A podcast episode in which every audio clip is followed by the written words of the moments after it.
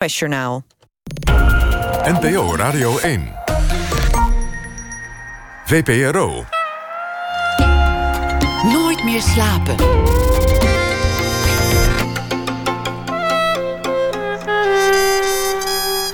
Met Clary Polak. Goedenacht en welkom bij Nooit meer slapen. U hoort het, ik vervang vandaag Pieter van der Wielen. En ik vertel u dat we na ene onder meer gaan hebben over de totstandkoming van de verhalenbundel Als dit zo doorgaat. Dat is een initiatief van Nederlandse schrijvers die de kracht van literatuur aanwenden om invoelbaar te maken wat er uh, het presidentschap van Ronald, Donald Trump allemaal op het spel staat. En muzikant Kim Jans komt op bezoek. Volgende maand verschijnt zijn nieuwe album Cousins, waarvan hij ook live een nummer in de studio zal spelen. Dat onder meer naar ene en dit uur zit tegenover mij Tessa de Loo. Ze maakt de naam met tal van boeken, waarvan de tweeling toch wel verreweg de bekendste is. En vorige week verscheen haar boek Liefde in Pangea, waarin een bioloog met een fascinatie voor chameleons een zoektocht begint naar de omstandigheden die hebben geleid tot een fatale gebeurtenis 20 jaar daarvoor. Als zijn vriendinnetje, de 17-jarige Sasha, tijdens een schoolreis naar Rome zich voor de ogen van hem en haar klasgenoten van een balkon laat vallen. Al die jaren, schrijft Tessa, had die ene vraag liggen wachten op antwoord. Waarom? En waarom op die manier, met publiek erbij? Waarom moest het een theatraal kunststuk van de hoogste orde zijn, met een perverse timing? Ja, dat is een vraag waar u uh, eerlijk gezegd vanavond geen antwoord op krijgt. Want dan gaan we dat hele boek gaan we natuurlijk uh, al verklappen. En het heeft heel veel weg, uh, Tessa, van een thriller, hè? Ja, nou, ze zeggen wel eens van mijn boeken... dat er altijd een soort van uh, thriller-element in zit. Ja. Maar ik, uh, ik vind wel dat je de lezer vanaf het begin... een beetje in zijn nekvel moet grijpen. En uh, ja, zijn nieuwsgierigheid wekken... zodat hij ook werkelijk niet afgehaakt onderweg. Ja. Maar dat is dan eigenlijk het voornaamste. Maar verder zou ik het helemaal geen, niet een thriller willen noemen. Nou ja, het begint inderdaad, je grijpt de lezer bij het nekvel... Ja. door te beginnen met een zelfmoord. Dat, Ja. dat is nogal wat. Ja. En dan eh, ga- eh, ontrafel je dat heel langzaam. Dat kan ik er wel over zeggen. Dus het is toch een soort van... Ja, je wordt toch meegenomen in een soort van raadsel... dat ontrafeld moet worden. Ja, dat zeker. Ja. Maar je zou het geen thriller noemen. Hoe Nee, zou het jij is- het noemen? Je gebruikt soms dezelfde technieken als, als eh thrillerschrijvers. Ja. Maar ik, eh, ik, ik zie het zelf meer als een, eh, een psychologische roman... waarin ja, de, door de ogen van haar ex-vriendje... het meisje dat zelfmoord pleegt... ehm, eh, ja, wordt geanalyseerd eigenlijk. Ja, ja dus dit de is analyse van een heel complex meisje. Er zegt dat wel, want eh, zij heet Sasha. We leren haar inderdaad gaandeweg het boek steeds beter eh, kennen. Ver- vertel eens iets over haar. Wat is zij voor meisje? Nou, zij is een, een, een type vrouw. Als ik over haar vertel, dan is er altijd wel iemand die zegt... oh, zo iemand ken ik ook. en, ik, maar ik wilde geen psych- psychologisch etiket opplakken. Maar zij is een, eh, een meisje. ze is ehm, charmant, ze is mooi, ze is ook wel ze is intelligent en ook wel getalenteerd. En eh, er is altijd, ze heeft humor en er- je kunt altijd van alles met haar beleven. Ja, ze is avontuurlijk. Ze is Ja. avontuurlijk en grillig. En dan, maar dat alles heeft een achterkant. Ze is ehm, narcistisch. Ze heeft een compleet gebrek aan empathie, aan inlevingsvermogen in anderen. Is erg e- egocentrisch. En eh, ze heeft veel fantasie, zoveel fantasie dat het eh, heel vaak halverwege overglijdt in een leugen of een halve leugen. Ehm, je weet nooit eh, wat je het volgende moment in haar gezelschap kunt verwachten. Zo is ze nog met jou. Komt er iemand een- iets interessanters langs, dan is ze ineens weg en besta je niet meer. En ehm, nou, zo heeft ze een. Ze, heeft, ze weet iedereen uiteindelijk tegen zich in het harnas te jagen. Ja. Dus in wezen is ze heel, eh, zit ze behoorlijk destructief in elkaar. Of autodestructief. Ja, zelf- en dat, ja, in de zelfmoord ja. wordt dat natuurlijk belichaamd uiteindelijk. Maar, ehm, en ik heb eh, ook wel mannen gekend... En, eh, die met zo'n... eh, die he- tot over hun oren verliefd waren op zo iemand. Oh ja, maar voordat je het over die mannen gaat hebben... want je zei net, je hebt allerlei mensen die zeggen... ze kennen allemaal wel zo'n zo iemand. Zo'n, heb je zelf dergelijke mensen in je omgeving? Dan? Ja, ik heb zelf ook twee van zulke meisjes, vrouwen gekend. Je noemt het geen vriendinnen? Het is, je komt al heel snel achter dat ze nooit een vriendin zal worden. Je beleeft van alles met zo iemand. Ze hebben een enorme... Ze oefenen een aantrekkingskracht op je uit. En, uh, maar al heel snel kom je erachter dat ze onbetrouwbaar zijn. Dat je vernacheld wordt waar je bij staat, als het ware. En uh, dus dat je al snel kwam ik in beide gevallen erachter... ik moet op mijn hoede zijn, geen vertrouwelijkheden uitwisselen. Dat is toch, ja, dat is. Heb je daarom ook gebroken met die vrouwen of dat niet? Nee, ik heb nooit met ze gebroken. Er is van dus mijn kant. verkeren nog steeds in jouw omgeving? Nou, uh, een van de twee is overleden. Die, wa die was zo. Ja, ik, ik, ik zei net al, ze hebben ook vaak uh, zelfdestructieve eigenschappen. Veel drinken, uh, drugs. Um, van de ene man naar de andere huppelen. Um, dus het zijn ja. Hmm. Dus een van die twee leeft niet meer inmiddels. Die is daaraan onderdoor gegaan. Aan ja. haar eigen levenswijze, zeg maar. En die andere leeft nog, maar is er niet goed aan toe. En ik, uh, maar ze zal zich niet herkennen. Om, ik heb het hart ook niet uh, om met haar helemaal te breken. Dus, um, maar ben je bang dat ze zich herkent in dit boek of niet? Ik heb, ik, heb haar, ik heb haar heel erg veranderd, voor zover. Ik heb gewoon geanalyseerd... wat, wat, zijn, het, wat zijn de dingen die ze met mensen doet? Ja. En met zichzelf. Wat zijn dat voor eigenschappen? En die heb ik op een, op het, het, uh, op een totaal verzonnen meisje um, ja, ja. Sasha, uh, geprojecteerd. Dus, ja, ja, ja. Zijn het fatale vrouwen eigenlijk? Ja, ergens noem ik haar ook een kleine femme fatale. Uh, ze, dat zijn, ze kunnen ze werkelijk zijn voor mannen. Ze, als je kijkt naar het leven van die twee vrouwen... dan trekken ze wel een aardig spoor van uh, vernieling... In, op, het gebrek, op het gebied van relaties. En in welk opzicht? En, um, een van die twee wist mannen tot, nou, allebei eigenlijk wel. Ze weten mannen ongelooflijk boos te maken en, en uh, radeloos. En, en ook uh, van hun waardigheid te beroven. Uh, het, is, het is heel ingewikkeld wat ze met mannen doet. Ja. Ze, ze zijn... Ja, je, je zou kunnen zeggen... ze, zijn, ze zijn gevaarlijk, in zekere zin. Ja, de, de, de, de man in het boek, Fidel heet hij... Mm -hmm. uh, is natuurlijk als, als jongen, als, als adolescent verliefd op haar. Mm -hmm. um, het, op hem heeft dit niet zulke fatale gevolgen... als jij nu beschrijft, uh, toch? Nee, hij is, hij, ze hebben een, een, een half jaar een relatie. Ze zijn allebei 17. Ja. En ze is zijn eerste vriendinnetje. Ook in seksuele zin. Dus dat is, dat is nou, dat, is, dat hakt er diep in bij iemand van die leeftijd. Dus hij doet er ook heel lang over... Uh, voordat hij erachter komt dat er van, van alles met haar uh, aan de hand is. Dat ze niet spoort. Ja. En uh, hij doet er ook heel lang over... voordat hij de moed bijeen heeft geraapt... om een punt achter de relatie te zetten. Waar hij overigens, blijkt ook gaandeweg het boek... nogal een schuldgevoel aan overhoudt... Ja. in relatie tot de latere zelfmoord. Ja, dus niet zo lang uh, nadat hij uh, het heeft uitgemaakt... Uh, pleegt zij zelfmoord tijdens een Rome-reis. Ja. En um, ja, het schuldgevoel dat hij eventueel zou kunnen hebben... stopt hij twintig jaar lang heel diep weg... Totdat het weer tijdens een klasreunie door een ander vriendje van haar tot leven wordt gewekt. En dan gaat hij, dan is hij ook wel volwassen ge genoeg om, uh, om dat aan te kunnen. Om in zijn eigen verleden, of in hun beide verleden... Te gaan graven. Te gaan graven. Ja, ja. En te onderzoeken uh, en ook de wil te hebben om erachter te komen... wat er eigenlijk met haar aan de hand was. Ja. Nou is deze Fidel, moet ik je eerlijk zeggen... dat is iemand met wie ik me in die zin helemaal niet kon uh, uh, identificeren. Dat is een bioloog met een fascinatie voor chameleons. Mm -hmm. um, um, is, is, is hij de verpersoonlijking van jouw eigen liefde voor de natuur? Of wat heb jij met chameleons? Wat, hoe, moet ik, hoe moet ik dat zien? Ehm, nou ja, ik, ik, uh, voor mij is de natuur heel belangrijk. Dat, is, uh, dat is zeker zo.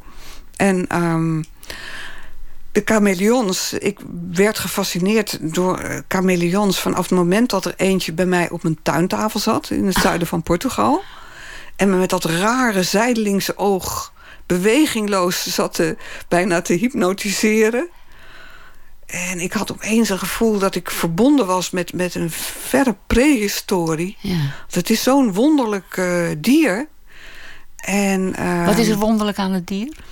Nou, hij heeft hele bijzondere eigenschappen. Hè. De, de, vooral natuurlijk dat hij van kleur kan veranderen. Hij is echt het enige dier, volgens mij, het enige reptiel dat, dat dit kan. En uh, hij heeft bijzondere methodes om, uh, om zijn prooi te vangen. En, uh, en het heel, meest bijzondere eraan is eigenlijk... althans met betrekking tot mijn boek... dat uh, je ze alleen in de zuidelijkste rand van Portugal vindt en van Spanje. En verder niet in Europa. Het is een dier dat veel voorkomt in Azië en in ja. Afrika. Maar dat hij dus in Europa terecht is gekomen... is, een is er een raadselachtig... En hij trekt ook niet noordelijker. Dus hij blijft helemaal daaronder in het zuiden. Dus het is ook een, een, fenomeen dat wij dat, dat diertje hebben. Ja. En het grappige is, want jij zegt nu... hij zat bij mij op een tafel. Dat betekent dus dat hij niet uitgestorven is. Terwijl in het boek uh, roep je dat hij... of roep je, schrijf je dat hij wel uitgestorven nee, is. Nee hoor, dat, nee, hij is Behalve niet, op één eilandje. Maar... Ja, nee, hij is niet uitgestorven. Hij, de, de bioloog in, in het boek gaat op zoek uh, in het binnenland. En daar, oh ja. Om, uh, en dat, dat zijn onderzoeksmethodes die ik natuurlijk heb moeten bestuderen, hoe je dat doet. Oh ja? Om erachter te komen of er nog chameleons zijn. In, uh, en dan, ne dan neem je gewoon een, een, een, een, een, een stukje van vijf vierkante kilometer. En dat ga je heel nauwgezet uh, ga je dat afspeuren. En, uh, maar ja, ze verschieten steeds van kleur. Ze nemen de kleur aan van hun omgeving. Ja, maar de, dat, daar weet een, een, een, En hij is dus een herpetoloog. Hè? Dus een, een reptielendeskundige. Die weten daarmee om te gaan. 40 jaar voor zijn onderzoek is dat gebied ook onderzocht. Toen werden er chameleons aangetroffen. Ja. Hij vindt ze niet meer. Want wat hij wil onderzoeken is wat de invloed is van het toerisme en uh, de grootscheepse wegenbouw en de nieuwbouw, de aanleg van golfvelden op uh, de habitat van de chameleons in, ja. de, in de Algarve. Dat wil hij onderzoeken. Hij wil kijken of ze in aantal zijn afgenomen. En dat tegen de achtergrond, want er ligt wel een klein beetje een ecologisch ondertoontje in mijn boek. Nou, een, een boodschap zou ik zeggen. Nou, zelfs. dat hoop ik niet. Nou, ik vond wel een beetje, ja? een, ik vond wel een, beetje een, een, een, een boodschap. Een, een, Oké, okay, nou dat kan misschien ook geen kwaad een in, vingertje. in een wereld waar uh, iedere dag een diersoort en een plantensoort uitsterft. Daar wilde ik het toch een keertje over hebben. Ja. En uh, ja, in, hij gaat dus onderzoeken of, dat, of de chameleons ook tot de bedreigde diersoorten horen. Want daar zijn er dus heel veel van. Ja, ja. En goed, en, en daar, dat doet hij in Portugal. Jij woont in Portugal. Er zit enorm veel persoonlijks ook in het boek, viel me op. Of ook weer gaandeweg het boek dacht ik dat er enorm veel persoonlijke dingen naar voren kwamen. Ja, ik woon daar nu een kwart eeuw, realiseerde ik me laatst. Ja. En het is natuurlijk in die, in die jaren is het mijn thuis geworden. En uh, dus ja, is het er eigenlijk vanzelf. Wordt dat op een gegeven moment um, ja, de omgeving waar je, waar je over wilt schrijven. Ik bedoel, zou ik in Amsterdam zijn blijven wonen... en ik zou mijn boeken in Amsterdam en omgeving hebben uh, gelokaliseerd... dan had iedereen dat heel gewoon gevonden. Hè? Al die schrijvers die uh, ja? boeken oh, ik schrijven... Vond dit die niet, ik vond dit niet ongewoon. Oh, oké. Okay. Waarom uh, heb jij het idee dat het ongewoon is? Nou, misschien... Uh, er zijn natuurlijk heel veel schrijvers... wel die, die gewoon als Nederlandse schrijver hun boeken uh, in Nederland zich laten afspelen. Ik denk toch wel het merendeel. Hoewel er ja. wel geloof ik, maar dat zou je moeten onderzoeken... de laatste tien jaren een trend is dat er steeds meer boeken ook de grenzen overgaan. Ik denk het wel, ja. ja. zeker. Maar dat zou je moeten onderzoeken. Oh ja, nou dat hoeven we niet te onderzoeken. Dat hoeven we in het bestek van deze uitzending in elk geval uh, niet, niet te onderzoeken. Ik werd overigens niet vrolijk van de manier waarop je Portugal beschreef. Althans, dat gedeelte van Portugal. Omdat uh, uh, je, je schept daar een beeld van, van armoede, desolaatheid, verlatenheid. Mhm. Eh, eh, eh, hele dorpen die verlaten zijn, bij wijze van spreken. Dorpen waar alleen nog maar hele oude mensen wonen. Het, het, het, het is niet een, niet een prettig beeld wat je daar schetst. Nee, maar het, het, het is wel de werkelijkheid. En wat ik zelf zo navrant vind, dat is uh, het contrast tussen het, het grootscheepse toerisme aan de kust... met alle mogelijke luxe accommodaties... en golfspelers die daar miljoenen villa's hebben... En uh, als je 15 kilometer het achterland ingaat... tref je daar een stervende wereld aan...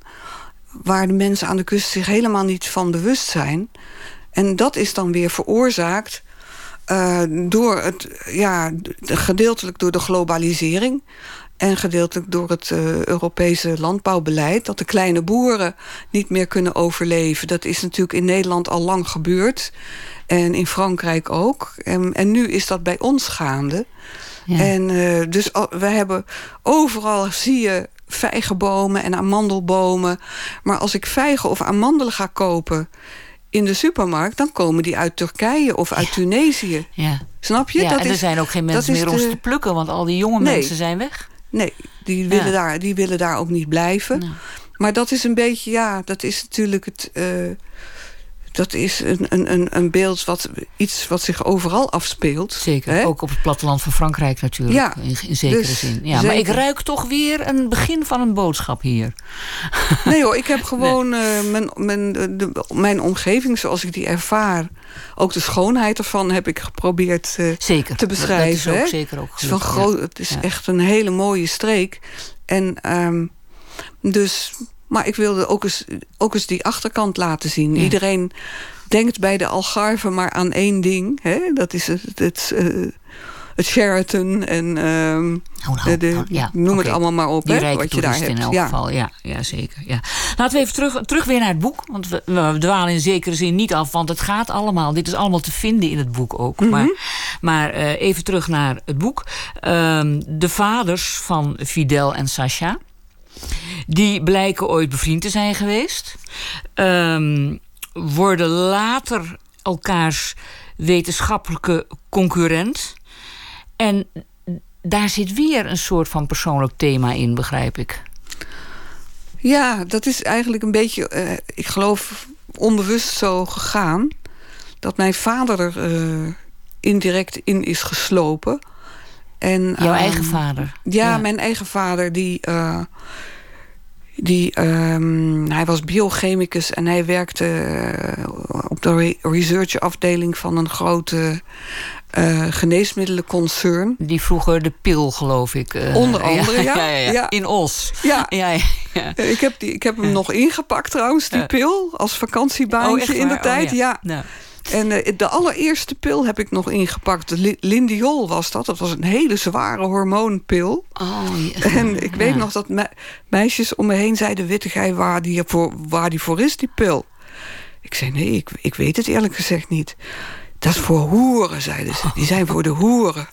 Ja, dat ja. was het helemaal het allereerste begin van de hoe pil. Hoe lang is dit geleden? Ja, dit is een, ja, hoe lang is dit geleden? Toen was ik 16, dus dat is 54 jaar, meer dan ja, een halve okay. eeuw geleden. Ja, ja. goed. Ja. Nou, toen was de seksuele moraal misschien ook wat anders nog in Nederland. Maar goed, een, een, een parallel met je eigen vader. Ja, mijn uh, vader dus... werkte daar en hij heeft, ja, hij heeft uh, nooit, vind ik, echt de erkenning gehad die hij verdiende. Hij heeft een heel prachtig miljoenenpreparaat uitgevonden waarmee uh, spierdystrofie kon worden uh, genezen. Wat is dat precies? Nou, dat is een, een ziekte waarbij de spieren langzaam wegkwijnen. Juist, waardoor ja. ook kinderen, bij kinderen komt het ook voor. Mm -mm. Een hele nare ziekte. En, maar wanneer je op zo'n lab werkt... in wezen zijn, zijn zijn bazen... Zijn, die zijn met de eer gaan strijken. Zo iemand krijgt het patent ligt bij, bij, uh, bij, bij het bedrijf. De, bij het bedrijf. En niet bij hem. Hij heeft daar nooit van nooit niet credits van, voor nee, gehad. Nee, nee. En dat. Leed ik geloof dat hij dat. Ik, ik denk wel dat hij heel tevreden is geweest over het feit dat hij zoveel mensen daarmee heeft kunnen genezen.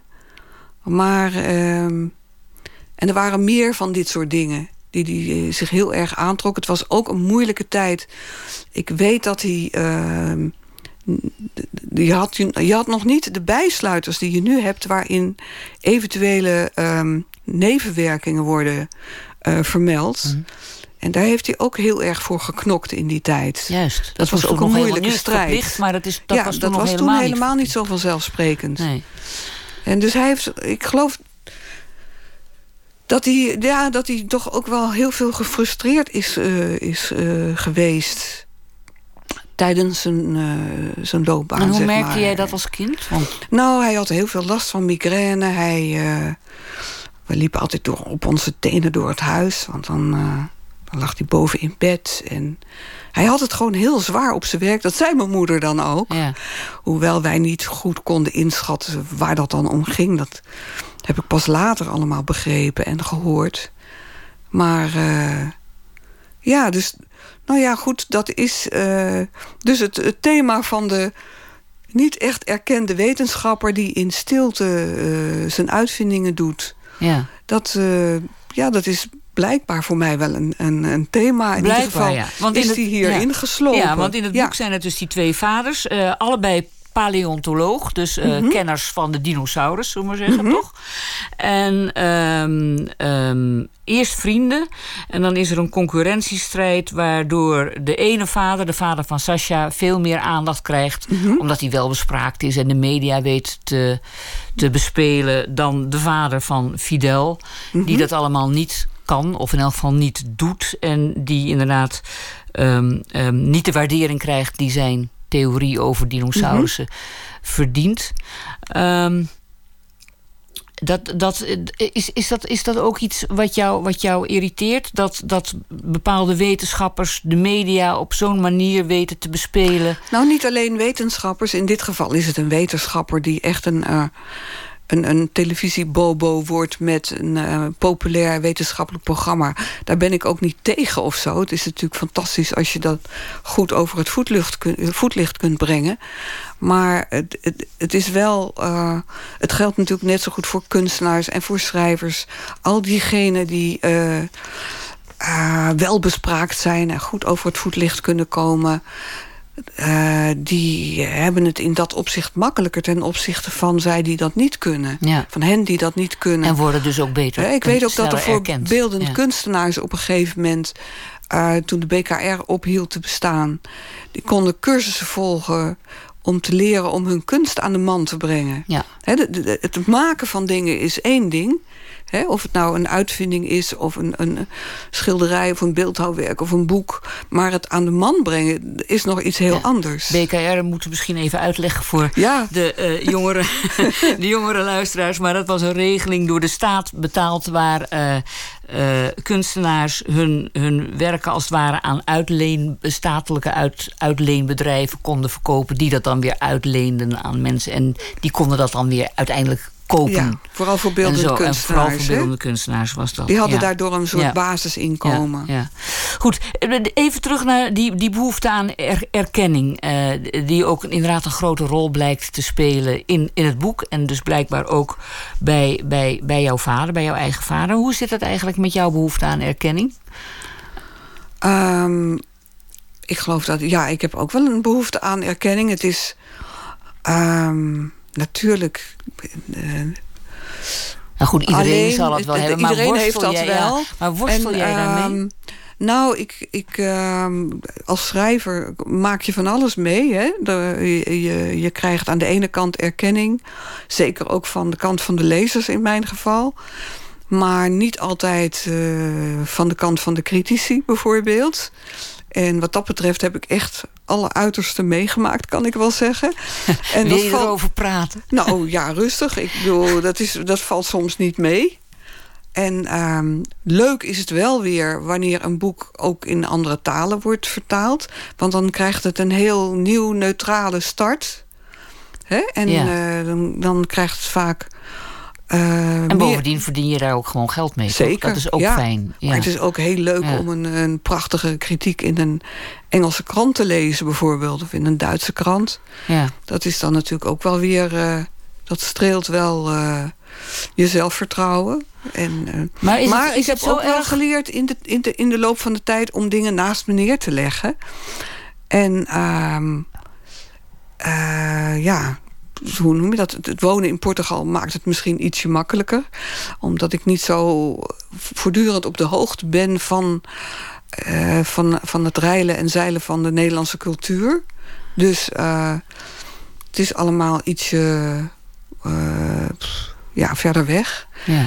Maar goed, maar ik, ik, maar om, om- nou, als, als je vorige boek redelijk is afgekraakt, dan moet je toch weer, hoe noem je dat? De kracht vinden om aan een nieuw boek te beginnen. ja. En daarvoor moet je wel, en ik denk dat dat voor, voor bijna alle schrijvers geldt, moet je toch eh, heel goed afstand kunnen nemen en eh, dat kunnen verwerken. Hmm. En weer teruggaan naar je eigen eh, bron. Hè, Ja. waar, waar alles uit. ja. dat, dat Maar is, is, is, jou dat vaak overkomen? Dat je boeken werden. Ik, ik weet, ik weet uit wat ik gelezen heb... dat de tweeling bijvoorbeeld eh, zeer gemengd is ontvangen... en ook door sommige critici enorm is afgekraakt. Ja, Dus notabene je meest succesvolle boek, zou ik ja, zeggen. ja, ja, dat was ook wel weer. eh, dat, het, het was echt 50-50 als je erop terugkijkt. En eh, van, van heel negatief tot heel positief. Hmm. En, maar ja, als je, als je boek net verschenen is, zie je vooral. Stel dat er negen goede kritieken zijn en één slechte, dan zie je vooral die slechte. Ja. Eh, En, en, maar daar was het dus echt 50-50.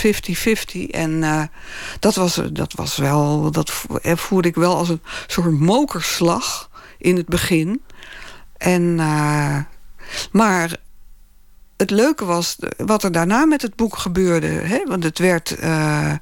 nou ja, je weet, het is een. eh, Nou ja, het werd natuurlijk vooral in Duitsland met open armen ontvangen ook. Ja, in Duitsland. Nou ja, eerst in Nederland werd, Ja. het, ging het al, werd het een, een ongelofelijke bestseller. Ja. En eh, daarna in Duitsland. Een grote pagina in de Frankfurter Allgemeine.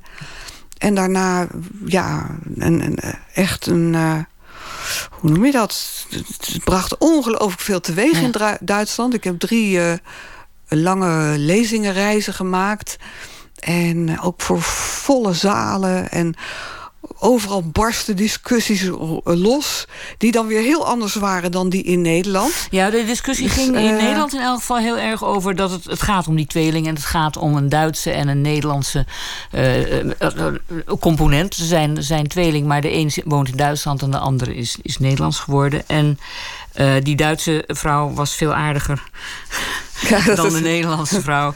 En dat vonden wij in Nederland niet zo prettig, want Duitsers waren fout in de oorlog. Dus dat, dat, dat, dat, zo, zo ging dat toch een Nou, als beetje. je, ja, als je het heel schematisch Ja, voorstelt. nee, maar het was wel een beetje. Ik Ja, doe het ook ja, schematisch. Ja. Nou, ik wil het niet te veel over het boek hebben. Nee, eh, nee, nee. Want we hebben het over een heel ander Maar het boek. leuke namelijk. om nog eventjes af te ronden is... eh, het leuke is dat zo'n boek een, een, een enorme tweede kans krijgt Ja. eh, over de grens.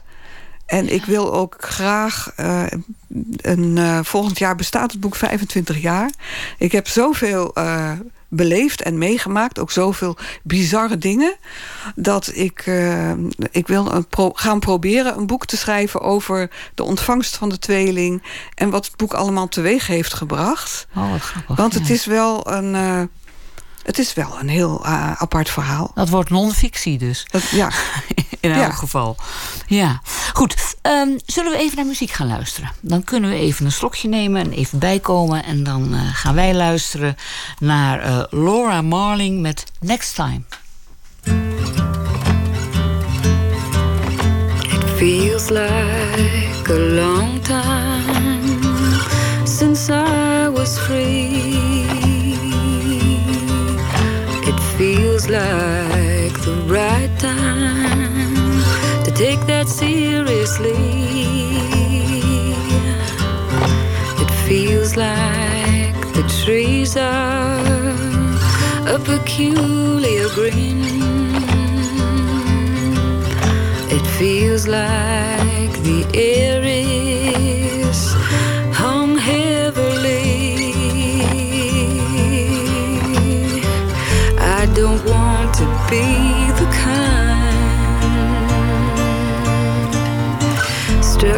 fear to run and hide. I'll do better next time. It feels like warning signs were there for us to see. It feels like they taught us ignore diligently. I feel her, I hear her weakly scream. Am I really so unkind to turn around and close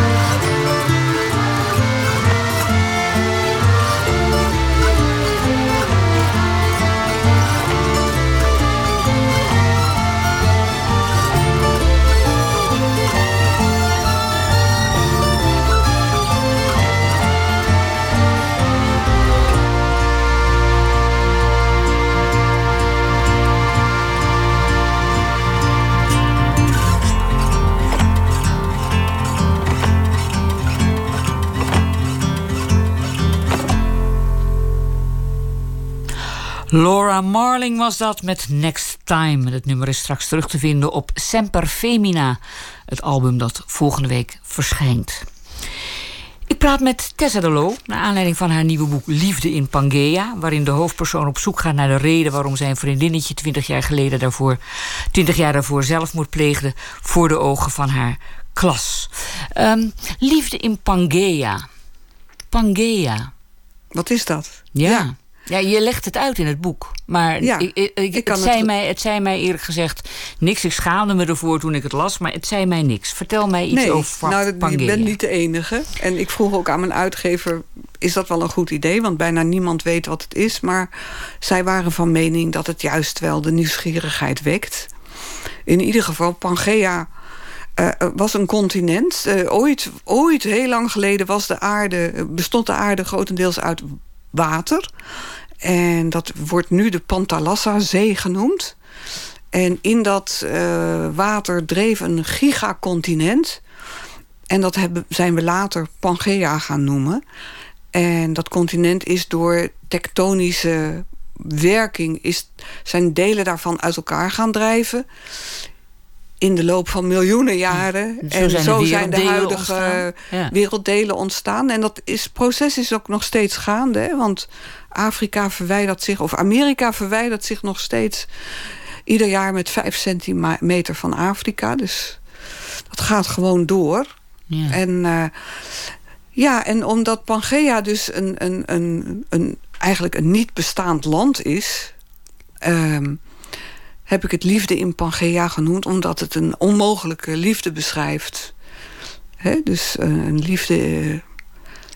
een onmogelijke liefde in een niet bestaand land. Oh, juist. Oh, ik, heb, ik heb dus echt mijn hoofd erover gebroken. Dat ik, oh, het, is, het gaat om... Ja, ja, ja, dat heb je dan.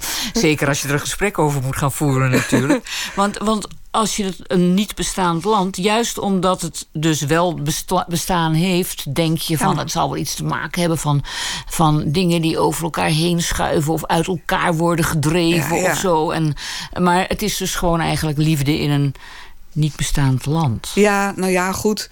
Uh, die beide vaders, die hebben dus een... Uh, die dinosaurussen. Een studie gemaakt van uh, allebei hun eigen opvattingen... over waarom de dinosaurussen in de tijd zijn uitgestorven. En 80% van alles wat op aarde leefde. En dan, uh, ja, en zo kom je dan ook uh, op het thema van, de, van wat er allemaal aan uitbarstingen vanuit de aarde plaatsvinden. Dat is een van de theorieën, hè, dat, dat er enorme vulkaanuitbarstingen zijn geweest... Eh, waardoor de atmosfeer zo verduisterde dat alles stierf.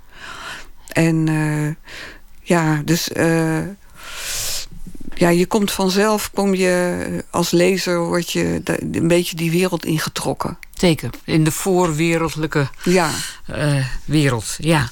Ja. We hadden het net over um, uh, de drang naar erkenning. En, en uh, hoe, hoe, hoe, moeilijk het weer iedere keer is voor jou om eventueel je zelfvertrouwen op te bouwen als je weer een boek hebt geschreven waar soms dan niet zulke goede kritieken mm -hmm. opkomen of niet uitsluitend goede kritieken opkomen. Um, maar wat is de prijs die je daarvoor betaalt eigenlijk? Um, voor die drang naar erkenning? Voor die... Nou, het is niet. Het is in, uh, ik schrijf niet in de eerste plaats uit drang naar erkenning. Ik schrijf gewoon omdat ik, omdat ik iedere keer weer het idee voor een boek krijg.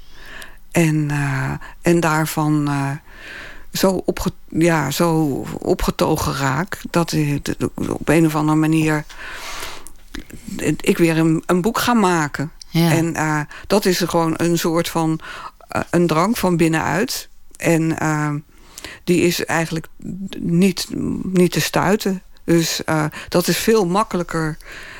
of veel sterker bedoel ik... dan de angst die je zou kunnen hebben voor dat er eventueel, als het boek klaar is... dat uh, er mensen zouden kunnen zijn die, die er niet van uh, onder de indruk zijn... om het maar eufemistisch te zeggen. Nee, dat doe je natuurlijk dat, niet Daar denk je helemaal niet aan. Nee. Dus uh, ja, iedere keer heb, heb, ik toch, heb ik een verhaal te vertellen. En ja. dat is een heel, heel krachtige... hoe noem je dat? Uh, stimulans van Drijfveer. binnenuit. Ja. Drijfveer. Ja. Je hebt ooit ergens gezegd... met de keuze voor een schrijvend leven... nam ik afscheid van wie ik daarvoor was. Wat bedoel je ja, daarmee? Nou, nou ik, ik nam afscheid van... Uh, ja, het, het, het, het, het was een enorme ommezwaai in mijn leven. Laat ik het zo zeggen. Ik was eigenlijk... Uh, ja... Ik was op weg... Uh, om een bepaalde graad in het onderwijs te halen. Ik heb ook les gegeven. En ik zag voor mezelf... Uh, zag ik meer een loopbaan in die richting uitgestippeld. En... Uh, maar, maar toen ik... Ja, toen ik merkte dat... Dat, het is een beetje een ingewikkeld verhaal. Ik, ik, ik was eigenlijk met mijn eindscriptie bezig. En daar kwam ik niet uit. Ik had die hele studie achter me en zo. En ik was bijna klaar. En die, uit, die eindscriptie van mij was een soort moeras... waar ik langzaam in weg werd gezogen. En ik ben toen als escape ben ik een verhaal gaan schrijven. Zo is het gegaan in het schrift... waar eigenlijk die, scriptie in had moeten worden geschreven. En... Uh, ja, en in die periode... En op een gegeven moment was dat verhaal er... En dacht ik, goh, het is helemaal niet zo, zo, niet zo slecht. Een goed verhaal. Ja, eigenlijk best wel. Uh, ja. ja, en dat heb ik opgestuurd. En toen kreeg ik dus, werd ik uitgenodigd om er nog vijf bij te schrijven. En moest ik dus die, die keuze maken. En ik voelde gewoon van, ja, maar dit is wat ik eigenlijk altijd gewild heb. Ja. En uh, dus zo ben ik schrijfster geworden. Het was wel een sprong in het diepe, want ik wist natuurlijk helemaal niet uh, of het zou gaan lukken.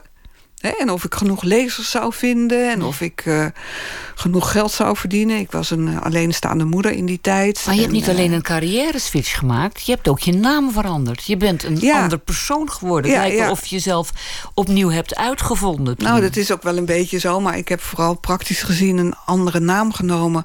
Omdat mijn eigen familienaam ma- naam, eh, zo'n ingewikkelde naam is die niemand ooit goed kan onthouden of spellen. Duivenede Wit, ik vind hem prachtig. Dat is ja, hem toch, werkelijk. niet? Ja, ik heet Duivenede Wit. Ja, ja, ja, Bovendien was het in die tijd... Het, iedereen die zo heet is familie van me. Oh, dat gaf ja. mij ook een beetje een beklemmend gevoel. En in de, der- in de derde plaats is het eh, een dubbele naam... waar mensen soms allerlei fantasieën bij hebben. Van parels, snoeren en, en twinsets Dat en is zo. een beetje waar, Zeker ja. in die tijd. Ja. En eh, iemand schreef toen ook... eh, het is maar goed dat ze in die tijd, kort daarna... het is maar goed dat ze een pseudoniem heeft genomen... want met, onder haar eigen namen had ze op zijn best... een culinaire rubriek in de avenue kunnen vullen. Ai, ja, ja. Dus nou, dan begrijp je ook waarom ik... drie redenen waarom ik een pseudoniem heb genomen. En, en, maar je hebt ook je voornaam veranderd. ja, ik, had, eh, ik, ik was een grote bewonderaarster altijd van Gerard Reven. En mijn eh, scriptie ging daar ook over. Die ging over de aard van de ironie bij Gerard Reven. En ik had al iets van 200 definities van ironie verzameld. Het, was, het is echt een ongelooflijk lastige eh, term. Ja. Lastig begrip. Ja. En eh, dus daarom verzandde ik het erin. En, eh, maar Gerard Reven schrijft ergens een goed pseudoniem... bestaat uit vier lettergrepen... en in iedere lettergreep zit een andere klinker. En dat heb ik letterlijk genomen. Echt waar. Ja, Juist. Tessa had ik al heel snel... omdat ik jarenlang op Texel heb ge- gewoond, ja. Dus, En dat een mooie naam vond. En eh, de rest, dat is nog een heel verhaal. dus Maar daar ging niet, eh, Tineke. Want zo heette je. Zo ja, heet je. en ik had, ook Ja, altijd een, ik had ook altijd een hekel aan die naam... omdat ik ben van een hele generatie, naoorlogse generatie... eh, van Inekes, Tinekes, Rienekes. En als er bij ons... Ik zat altijd wel met X, Inekes en Tinekes in de klas. Oh. En je had ook in die tijd van die melige meisjesboeken... die heten dan...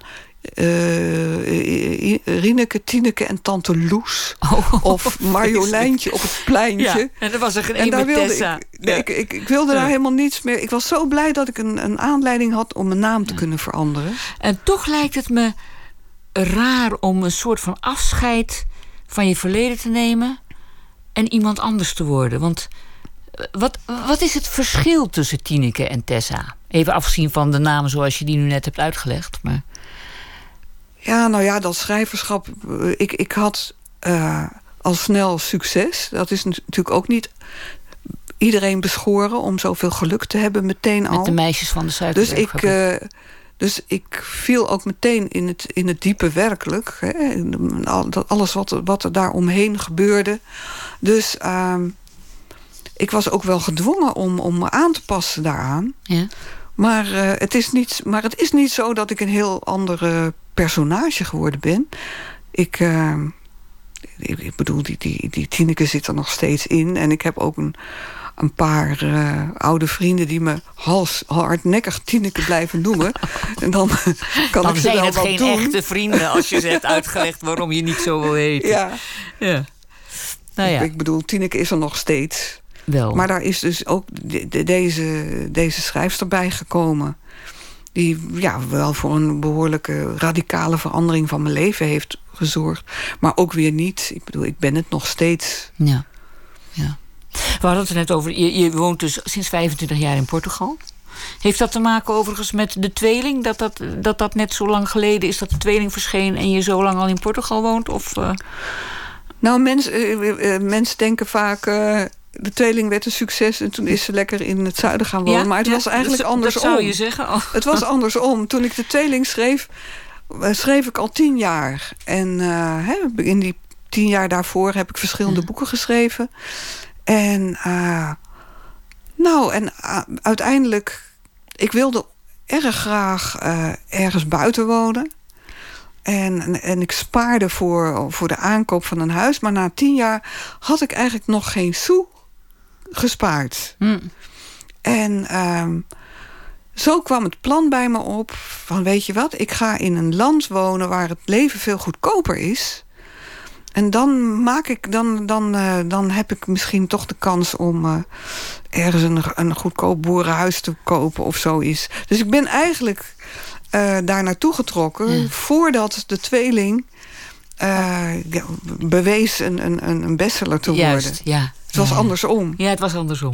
Ehm, ehm, je vertelde net van eh, hoe het daar gesteld is in Portugal. Met al die rijke toeristen aan de kust. En dan al die, dat verval, een stervende wereld noem je het. eh, eh, in Portugal. Voel jij je daar niet heel erg geïsoleerd ook aan de andere kant? Nee. Ik, ehm, ik heb wel periodes gehad toen ik... Ik ben in mijn eentje naar Portugal getrokken en ik kende daar niemand. Dus ik heb in het begin wel periodes gehad... waarin ik van, van eenzaamheid of vooral ook vervreemding... Ja. dat ik daar met kerstmis ergens rondliep en alles was groen. En eh, je hebt er ook nog geen kerstbomen. En eh, ja, het, was, het is zo'n andere wereld... eh, dat, dat ik, nou, dan kwamen er allerlei sentimenten ineens Ja. opzetten. eh, rond de feestdagen bijvoorbeeld. Maar eh, nee, ik, heb, eh, ik voel me niet geïsoleerd. Ik, Maar neem je nog deel aan het het sociale leven, is heen? anders. Ja. Je moet voor. Als je afspraken maakt met Portugezen, is dat bijna nooit bij, de bij, bij elkaar thuis. Hè, maar ergens op een terras of ergens bij een voorstelling of zo. Of Hmm. een restaurant. Eh, dus zo is het Portugese sociale leven. Maar er wonen natuurlijk ook heel veel buitenlanders. Ze kennen ook een Ja. aantal Nederlanders. ja, maar ja, dan je krijg je weer ook, zo'n eh, Je hebt Nederlandse... Fransen, je hebt Russen, je hebt eh, mensen uit de koloniën, voormalige koloniën. Het is een ongelofelijke bond gezelschap wat er daar woont. En dat maakt het, vind ik, ook heel boeiend. Ja. Iedereen heeft zijn verhaal. En misschien is het ook En- wel eh, in zekere zin, als je schrijft, prettig om een zekere mate van geïsoleerdheid Zeker, dat is te, ook heel, heel te hard. beleven. Dat is zeker nodig. Het is prettig dat er niet zoveel stimuli zijn... als wanneer je bijvoorbeeld midden in Amsterdam woont... en eh, iedereen vraagt, heb je die voorstelling al gezien? En ben je al bij die opera geweest? Eh, hè, dat kan daar ook allemaal, hoor. Maar het is niet, Ja. niet zo alomtegenwoordig. En eh, ik, woon daar, ik woon in de natuur, dus... Ja, ik, eh, ik heb. eh, het is wel zo dat wanneer ik een vriend of een vriendin wil treffen, dan moet ik altijd achter het stuur kruipen. Ja. Dat wel. Hm, hm. Maar dat is daar niet zo'n ramp als in Nederland, want de wegen zijn heel rustig. Je rijdt met je lievelingsmuziekje en een pink aan het stuur, rijd je ergens naartoe. Wat is je lievelingsmuziekje? Oh, dat varieert. Maar nou, in de auto is dat. eh, ik hou erg van eh, derde wereldmuziek of klassieke muziek. Maar ik heb periodes dat ik alleen maar een cd met Kaapverdiaanse muziek erin heb zitten. Of eh, muziek uit de Afrikaanse koloniën. Want dat fascineert je dan plotseling enorm. Of, of... vind ik gewoon lekkere muziek. Ja, ja, ja. Eventjes over, over ehm, ehm, eh, hoe ga jij te werk? Want ehm, we hebben het net gehad over die vier thema's in het boek, hè? die allemaal samenkomen. Dus dat zelfmoord van een mooi meisje, een grillig meisje, het type vrouw dat zij is, eh, de concurrentiestrijd tussen die twee wetenschappers, de, e- dat ecologische thema waar we het over hadden. Ehm, hoe ga je te werk? Bedenk jij eerst die thema's? Bedenk je eerst waar het heen moet en bouw je daar een verhaal omheen? Of hoe, hoe, hoe moet ik dat zien? Nou, bij dit boek was het nogal een struggle, omdat ik eh, eh, met, met, met vier thema's rondliep al heel lang. Dus die had je al. Ja, die had ik al. En ehm, het thema van het meisje. Dat was een, een, een heel kort eh, verhaal dat me ooit verteld werd door een leraar bij een, bij een haardvuur. Bij een haardvuur. Ja, nou, ja dat was, ik was in Griekenland in de bergen voor een, met een heel ander doel. En ehm, daar kwamen s'avonds, ik zat in een pensionnetje. Er zijn spectaculaire bergen daar met enorme ravijnen en zo. En daar kwam een groep Nederlandse wandelaars. Die waren net door de Fikoskloof getrokken in Epiros. En s'avonds zaten we met z'n allen aan het haardvuur met een glas wijn en eh, elkaar dingen, te, dingen te vertellen. En uh, dit werd door een leraar verteld, dat hij dat mee had gemaakt. De Verder ging hij, hele, hij, ging helemaal niet op details in of hm. zo. Hij, uh, maar het bleef in mijn hoofd hangen. He, ook vooral door de manier waarop dat je dat doet voor, voor de ogen van je medeleerlingen. En het leraar, uh, de leraren die mee zijn. Uh, want je zadelt al die mensen ook op met een afschuwelijke herinnering. Ja. En uh, de, nou ja, dat, dat, dat bleef heel lang in mijn, in mijn hoofd zinderen. En, het, en het nam de vorm aan van verschillende verhalen. En, uh, en tegelijkertijd was het zo dat ik over die twee complexe vrouwen die ik gekend heb. Uh, dat ik daar heel veel uh, over nadacht en fantaseerde ook. En de behoefte voelde een keer zo'n soort vrouw te beschrijven. En die twee kwamen op een gegeven moment samen. He? Dus ja. toen kwamen die twee thema's bij elkaar. Mm -hmm. En ja, en in de loop van de tijd kwamen die andere thema's er nog bij. En, uh, maar het was wel een hele klus om ze met elkaar te verstrengelen. En ja. uiteindelijk, uh, ja, uiteindelijk kwamen ze bij elkaar, zeg maar. En, uh... Gebeurt het dan, denk je dan op een gegeven moment van ik vraag me altijd af, zo'n einde waar we het niet over gaan hebben... want mm -hmm. dat, dat is natuurlijk ook de echte clue van het boek... maar begin je, echt, begin je niet met zo'n einde? En schrijf je daar naartoe? Of ontstaat zo'n einde terwijl je schrijft? Um, dat hangt van het boek af. Ja, in dit geval. Maar in dit geval... Uh, nee, ik, het einde kwam in de loop van de tijd... en de rest van het verhaal werd me werd me ook als het ware gedicteerd door de, de karakters van de hoofdpersonages. Mm. Hè. Op een gegeven moment lijkt het uh, of zij het overnemen, het verhaal. Ja. Want uh, ieder, je begint met, met die karakters te beschrijven. Die, krijgen, die nemen langzamerhand vorm aan. En, uh, en van daaruit gaat het, vertelt het verhaal zichzelf als het ware verder. En ik ga altijd uh, een heel stuk lopen uh, als ik uh, heb zitten werken. Met, ik heb twee honden. En dan hoor ik ze ook met elkaar praten, mijn karakters. Niet de honden, Oh, niet hoor. honden. Nee, niet nee, honden. ik was even, was even op het verkeerde been. Die, ja. ja, die karakters. Nee, die ja. karakters die, die, ze gaan met elkaar in de clinch. Ik, ho ik hoor gewoon wat er de volgende... Ik denk dan al aan de volgende dag. Ja. Maar het is toch wel zo dat de karakters uiteindelijk... het hele verhaal volgt uit, uh, uit, uit ja, de relatie die ze krijgen met elkaar en die ze aangaan en het conflict dat ze krijgen. En dan, je moet eigenlijk als het, als het ware als schrijver heel goed luisteren naar wat ze je te zeggen hebben. Ja. En uh, soms, ja, je, je hoort vaker schrijvers zeggen dat het lijkt alsof het verhaal zichzelf schrijft, hè? En ik denk dat ze dan dit bedoelen. Dan bedoelen dat ze dat. Ja, ja ik, ik, ik, vraag het natuurlijk ook omdat ik zie dat jij ook schrijfcursussen geeft daar in Portugal. Ja. En ik, dan wil ik altijd weten, hoe geef je nou toch een schrijfcursus? Uh, uh, uh, het is, lijkt mij zo persoonlijk. Dat, ga jij dan vertellen hoe een boek bij jou ontstaat? Of ga je. Wat, wat, hoe doe je dat? Nou, ik kijk in de eerste plaats ik, ik uh, heb tot nu toe heb ik geen selectie toegepast. Dus iedereen Rijp kan, en groen kan, kan mij uh, meedoen. Hè? Ja. En dan uh, eerst toets ik een beetje wat ze, wat ze kunnen en waar hun belangstelling naar uitgaat. aanvankelijk ging ik ervan uit. Prima, iemand wil schrijven, doet er niet toe wat het is. Of het nou een dagboek is. Of, of een roman. Of een roman. een of, een, ja. of dat hij iets wil vertellen over zijn zijn liefde voor parachutespringen. Maakt niet uit, hè? maar je kunt er niets op tegen hebben... dat iemand graag iets wil gaan schrijven. Nee. Dus ik heb rijp en groen heb ik uh, bij me gehad. En dan uh, kijk ik aanvankelijk uh, wat ze kunnen.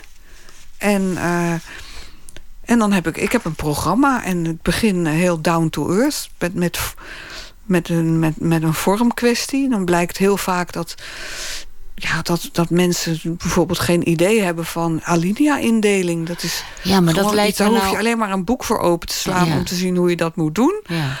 En toch, uh, alle vormkwesties hebben ook te maken met de inhoud. Dus ik begin dan heel basic met een aantal uh, van dit soort dingen. Maar kun je... Met meteen ook, ik, maar ik, uh, er komen ook meteen oefeningen worden eraan vastgeknoopt. En ik, ik kan je vertellen, een oefening die ik doe, dat is. Uh, dan, dan zeg ik, we gaan nu een oefening natuurbeschrijving doen. En dus we gaan, uh, dan ga ik met ze wandelen. Een hele mooie wandeling maken in de bergen naar een bron. Uh, echt een prachtig stuk natuur. En dan zeg ik van tevoren: probeer nou niet de hele tijd met elkaar uh, alleen maar te kletsen, te kletsen, en te praten. Maar zet al je zintuigen open. Hè? Om, te, om te horen, om te ruiken, hè? om te voelen. wat hier allemaal is. Ja. En want dan ga, gaan we er in de namiddag over schrijven. En dan wordt het ineens een hele andere wandeling. Hm. En dat vindt iedereen heel spannend ja, om te doen. Best. En zeg je dan uh, ook van, nou ja, dit is werkelijk bagger als, er dan, uh, als het bagger zou zijn? Zeg je dat nou, dan? op die manier zeg ik het niet. Dat nee, zeg want je ik, niet. ik, nee. Ze hebben, nee, je weet hoe, hoe slechte kritieken na kunnen zijn. Ik natuurlijk. weet hoe akelig dat ja, is. En ja. ze komen allemaal heel opgetogen naar me toe. Ja. Vol met zin om het te doen. Ja. Dus ik ga dat niet meteen uh, de kop indrukken. Dus, uh, dus ik probeer iedereen... Want dat werk kijk ik dan na. En dat analyseer ik dan. En uh, met, de, met, met de hele groep. En uh, nou, en dan, dan kom je ook bepaalde fouten tegen die iedereen maakt. Die ook meteen consequenties hebben voor de inhoud. En dan zeg ik bijvoorbeeld, nou, dit is een voorbeeld van een foutieve samentrekking. En dan uh, zeggen ze, wat is dat? En dan Oh, ja. zeg ik, ja, dat kan ik jullie eigenlijk alleen maar laten zien met een heel klein beetje grammatica. Oh nee, grammatica, daar zijn ze niet voor gekomen. Oh, dat willen ja, ze niet. ja, ja. Maar zo sch- schrijdt het voort. En het is heel opvallend dat er veel emoties loskomen. Mensen, wanneer Ja. mensen gaan schrijven. Ja, dus- en zo kom je toch nog uiteindelijk bij het vak dat je ooit vaarwel hebt gezegd om schrijver te dan word worden. ik ook een Ben je beetje, toch be- een beetje een frik. Ja, ja. Ik wil je heel hartelijk danken voor dit gesprek. Liefde in Pangea, daar ging het over, je nieuwe boek. En ehm, dank dat je hier was. Ik ga nog even vertellen wat er na ene is. Want dan gaan we nog een uurtje door. Dan spreken we onder meer met schrijver Auke Hulst... initiatiefnemer van de verhalenbundel Als Dit Zo Doorgaat. En er is live muziek van singer-songwriter Kim Jansen. En we horen ook nog wat Alfred Schaffer... bij het nieuws van de voorbije dag heeft geschreven. Dat en meer straks na het nieuws van 1 uur. Tot zo graag.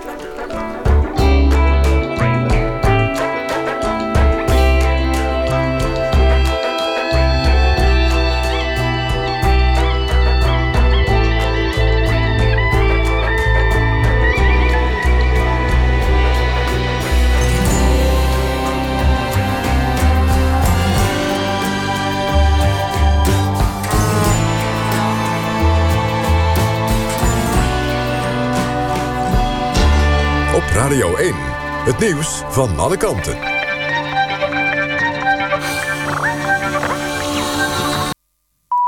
Eén uur, Lot Lewin met het NOS-journaal. Staatssecretaris Dekker laat onderzoeken of er een alternatief kan komen voor de omstreden rekentoets.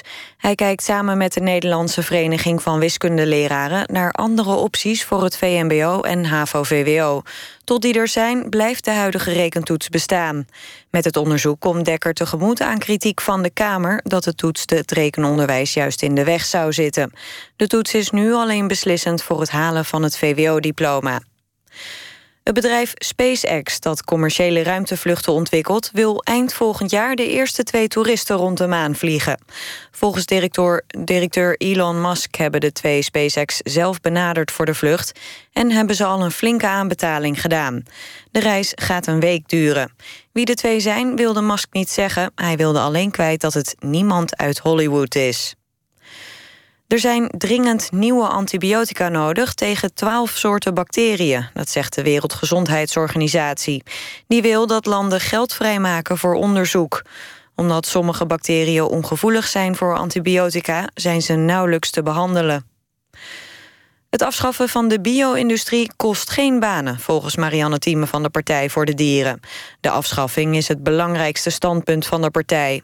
Nu zijn 23.000 mensen voor hun werk afhankelijk... van de intensieve veehouderij. Volgens Thieme is de duurzame veeteelt een stuk arbeidsintensiever... en compenseert dat het banenverlies. Zo'n 14.000 huishoudens in Utrecht zitten in het donker. Even voor 12 viel de stroom uit in de binnenstad... en in een paar wijken ten zuiden en ten westen van het centrum. Netbeheerder Stedin werkt aan een oplossing. De oorzaak van de stroomstoring is nog niet bekend. En dan het weer. Het blijft vannacht op de meeste plaatsen droog. Overdag vallen er opnieuw buien, vooral in het westen. Af en toe schijnt de zon even. Het wordt maximaal 7 graden. Ook de dagen daarna is het wisselvallig. Dit was het NOS Journaal. NPO Radio 1. VPRO. Nooit meer slapen.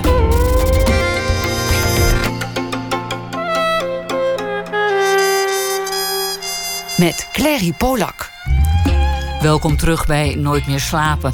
Over de hele wereld protesteren kunstenaars tegen Donald Trump ook in Nederland is er protest. Straks hoort u schrijver Auke Hulst... die de verhalenbundel Als dit zo doorgaat samenstelde. Wat zijn de gevolgen als het Trumpisme normaliseert? En singer-songwriter Kim Jansen komt langs voor de rubriek Open Kaart. En hij zal ook een nummer spelen van zijn nieuwe album Cousins. Maar we beginnen met cultureel nieuws.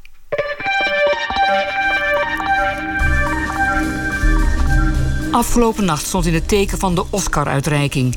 En die stond op haar beurt weer in het teken van blunders. Zo was de musicalfilm La La Land enkele minuten lang de winnaar van de Oscar voor beste film... toen plotseling bleek dat Moonlight de winnaar was. Minstens zo pijnlijk was misschien wel de fout tijdens het In Memoriam-programma. In plaats van de overleden kostuumdesigner Janet Patterson... werd een foto van de nog levende filmproducer Jan Chapman getoond. Dit weekend werd niet alleen Moonlight bekroond als beste film, ook de slechtste film kreeg een beeldje. In dit geval een Razzie, een gouden framboos. Bij de uitreiking van de Golden Raspberry Awards ontving Hillary's America de Razzie voor de slechtste film en slechtste regie. Volgens regisseur Dinesh de Sousa ontvangt hij de prijs omdat Amerika het niet verdragen kan dat Trump de verkiezingen heeft gewonnen. De openbare bibliotheken in Groot-Brittannië en Noord-Ierland zijn maar liefst 25 miljoen boeken kwijtgeraakt. Op de planken staan momenteel 52,3 miljoen werken. En dat zijn er om onverklaarbare reden 25 miljoen minder dan bij de vorige telling in 1996. Nu er slechts twee derde van het oorspronkelijke aantal over is, luiden de bibliothecarissen in het Verenigd Koninkrijk de noodklok. Ook cultureel nieuws kan slapeloze nachten veroorzaken. Waar ligt cultureel Nederland wakker van? Afgelopen vrijdag werd bekend dat de Chinese fotograaf Ren Hang op 29-jarige leeftijd een einde aan zijn leven heeft gemaakt. De kunstenaar stond bekend om zijn expliciete naaktfotografie en hij werd gezien als grote belofte. Momenteel is er een solo-expositie van de jonge fotograaf in het Fotografiemuseum Foam te zien in Amsterdam. En daarom heb ik aan de lijn Mirjam Kooijman, de curator van de expositie in Foam. Goedenacht Mirjam. Goedenacht. Ja, hoe ga je als museum om met zulk verschrikkelijk nieuws? Dat is een, um, een heel goede vraag. Um, wij zijn er de afgelopen dagen ook um, achteraan gekomen eigenlijk. We hebben goed na moeten denken over hoe je op zoiets reageert als museum. En dat is echt wel lastig, want ja, goed, je toont iemands werk vanwege een artistieke visie. En ja, dan gebeurt er zoiets. Ik, ja, het, het, is, uh, het is een moeilijke situatie. Van, vandaag uh, en van het weekend zijn er ook bloemen bij het museum neergelegd. En ja, dan... Uh, je wil ook niet een, een bedevaartoord worden. Alhoewel ja, goed. Het ook Waarom niet eigenlijk niet? Mag. Waarom eigenlijk ja, niet? Nou ja, in die zin dat we... Het is ons... Um, het is aan ons om zijn uh, artistieke waarde te laten zien. En niet um, om zijn, ja, van zijn dood iets ja, ik, ik, ik, ik, weet niet zo goed hoe ik het moet zeggen, maar om daar een, een soort sensatie in te zoeken. Het voelt als misbruik maken als je, er, als je er iets mee zou doen. Bedoel je dat? Ja, misschien wel. Ja. ja. Kende je hem persoonlijk of niet? Um, nou, dat was eigenlijk, het was een heel bijzondere tentoonstelling om te maken. Omdat, um, ondanks dat het een jonge levende kunstenaar was... toen we begonnen met de tentoonstelling... Um, kon ik geen persoonlijk contact met hem hebben. Omdat hij nou ja, in eerste plaats helemaal geen Engels sprak. Hmm. En ook heel moeilijk te bereiken was. Dus uh, het was eigenlijk voor mij al een heel... Ja, mythisch figuur. En dat is eigenlijk nog meer het geval geworden... nu hij uh, zo plotseling is komen te overlijden. Ja. Wat maakte hem zo bijzonder als kunstenaar? Kun je daar iets over zeggen? Kun je zijn werk een beetje beschrijven? Nou ja, zijn werk... Um, vooral in de context waarin hij het maakte... Uh, was heel bijzonder, maar sloeg ook wereldwijd aan. Hij fotografeerde vooral uh, zijn vrienden jonge uh, Chinese um, ja, jongens en meisjes of mannen, jonge mannen en vrouwen in de twintig of eind twintig die uh, vaak heel, in heel bijzondere poses. Uh, ja, lichamen die verstrengelden met elkaar dat je niet meer kon zeggen welk lichaamsdeel van wie was. Met hele gekke accessoires zoals dieren of planten en bloemen, kersen. Um, het, lichaam versierden en of ze trokken de natuur in en dan ja, het, het, waren heel vrije foto's die ook heel vrij omgingen met het menselijk lichaam. En uh, ja, zich los wilden breken van het taboes. En in een land als China is dat uh, eigenlijk heel uh, ja, is dat ongekend. En, en daarom werd zijn werk ook heel vaak gecensureerd in zijn thuisland. Ja, te meer ook omdat het natuurlijk ook een, een, een homoseksuele context had, toch? Ja, klopt. Um, hij was zelf homoseksueel, en, maar zijn werk laat zich vooral kenmerken door een heel erg ja, queer benadering. Dat het um, man of vrouw maakt niet uit. Hmm. Het gaat om wie je bent en dat je daar vrij in kunt zijn. En het is eigenlijk ja, ironisch dat hij zulk werk maakte in, in een land als China... waar dat toch ja, nog niet zo vrij kan als wij dat misschien gewend zijn Nee, duidelijk. Goed, dankjewel Mirjam Kooijman dat je ons met ons hebt herdacht. Uh, wel wat voor kunstenaar Renhang was. Zijn werk is nog tot en met 12 maart te zien in Foam.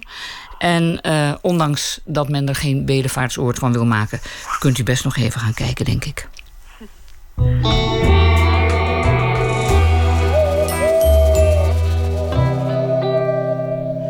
Passenger is de artiestennaam van de Engelse singer-songwriter Mike Rosenberg. Uit protest tegen het presidentschap van Donald Trump en alles waar deze man voor staat, schreef hij dit nummer: A Kindly Reminder.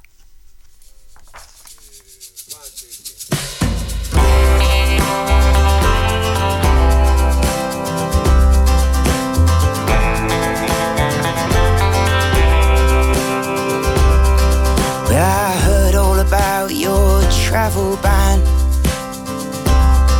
Just for countries that don't fit your business plan. But how can you decide who cannot and who can? You're the president now, not a businessman. And I heard you say climate change isn't real. But that's not how the world's leading scientists feel so go bury your head in the sand if you will For the waters are rising round Capitol Hill. With four years in front and only three weeks behind you You somehow already managed to upset China. And if I could offer a kindly reminder It's not okay to grab women by the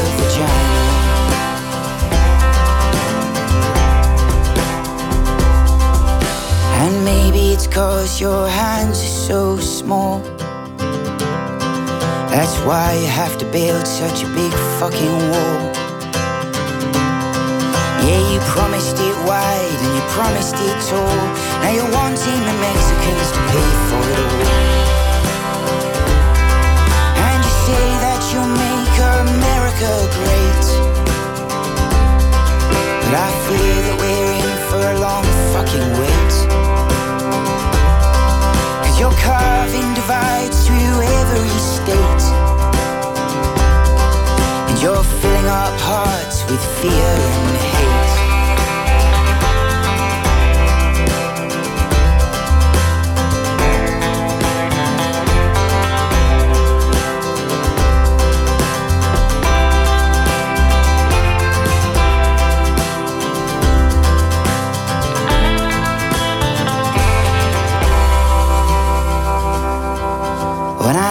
This song won't change your thoughts. We're more likely to see your tax reports. A Kindly Reminder was dat van Passenger. De zanger zal alle winst van dit nummer doneren aan een organisatie die zich inzet voor het vluchtelingenprobleem in de Middellandse Zee. Nooit meer slapen. Niet alleen in de muziek, maar in alle kunstdisciplines zie je initiatieven tot protest tegen Donald Trump. Van de essays van 16 Writers on Trump's America tot tentoonstellingen als Hands of Our Revolution. En ook in Nederland doet de culturele wereld mee. Schrijver en journalist Auke Hulst is de initiator van een verhalenbundel Als dit zo doorgaat. Verschillende auteurs, zoals Nelleke Noordervliet en AFTH van der Heijden, droegen hun literaire steentje bij. Verslaggever Nicole Terborg spreekt met Auke Hulst en met Wietske Versteeg, een van de schrijvers die aan de oproep gehoor gaf. Today, President Trump will take the first step towards fulfilling the signature promise of his campaign. Ik volg al heel lang heel intensief eh, de Amerikaanse politiek. Eigenlijk al mijn half leven. En het was in de eerste week van het presidentschap van Donald Trump. En elke hoop dat er iets van een temperende werking zou uitgaan van het ambt... vervloog heel hard. En ik zat, eh, ja, ik zat te schuim, echt te schuimbekken bijna. This is the plan to defeat the Islamic State of Iraq and Syria. In other words, ISIS. Vol ongeloof staart Auke Hulst naar een beeldscherm in zijn Amsterdamse woning. Ruim 65 kilometer verderop, in Delft, ervaart Wietske Versteeg een soortgelijk gevoel. Alleen gaat het niet over Trump, maar om een politicus dichter bij huis. Onze minister-president.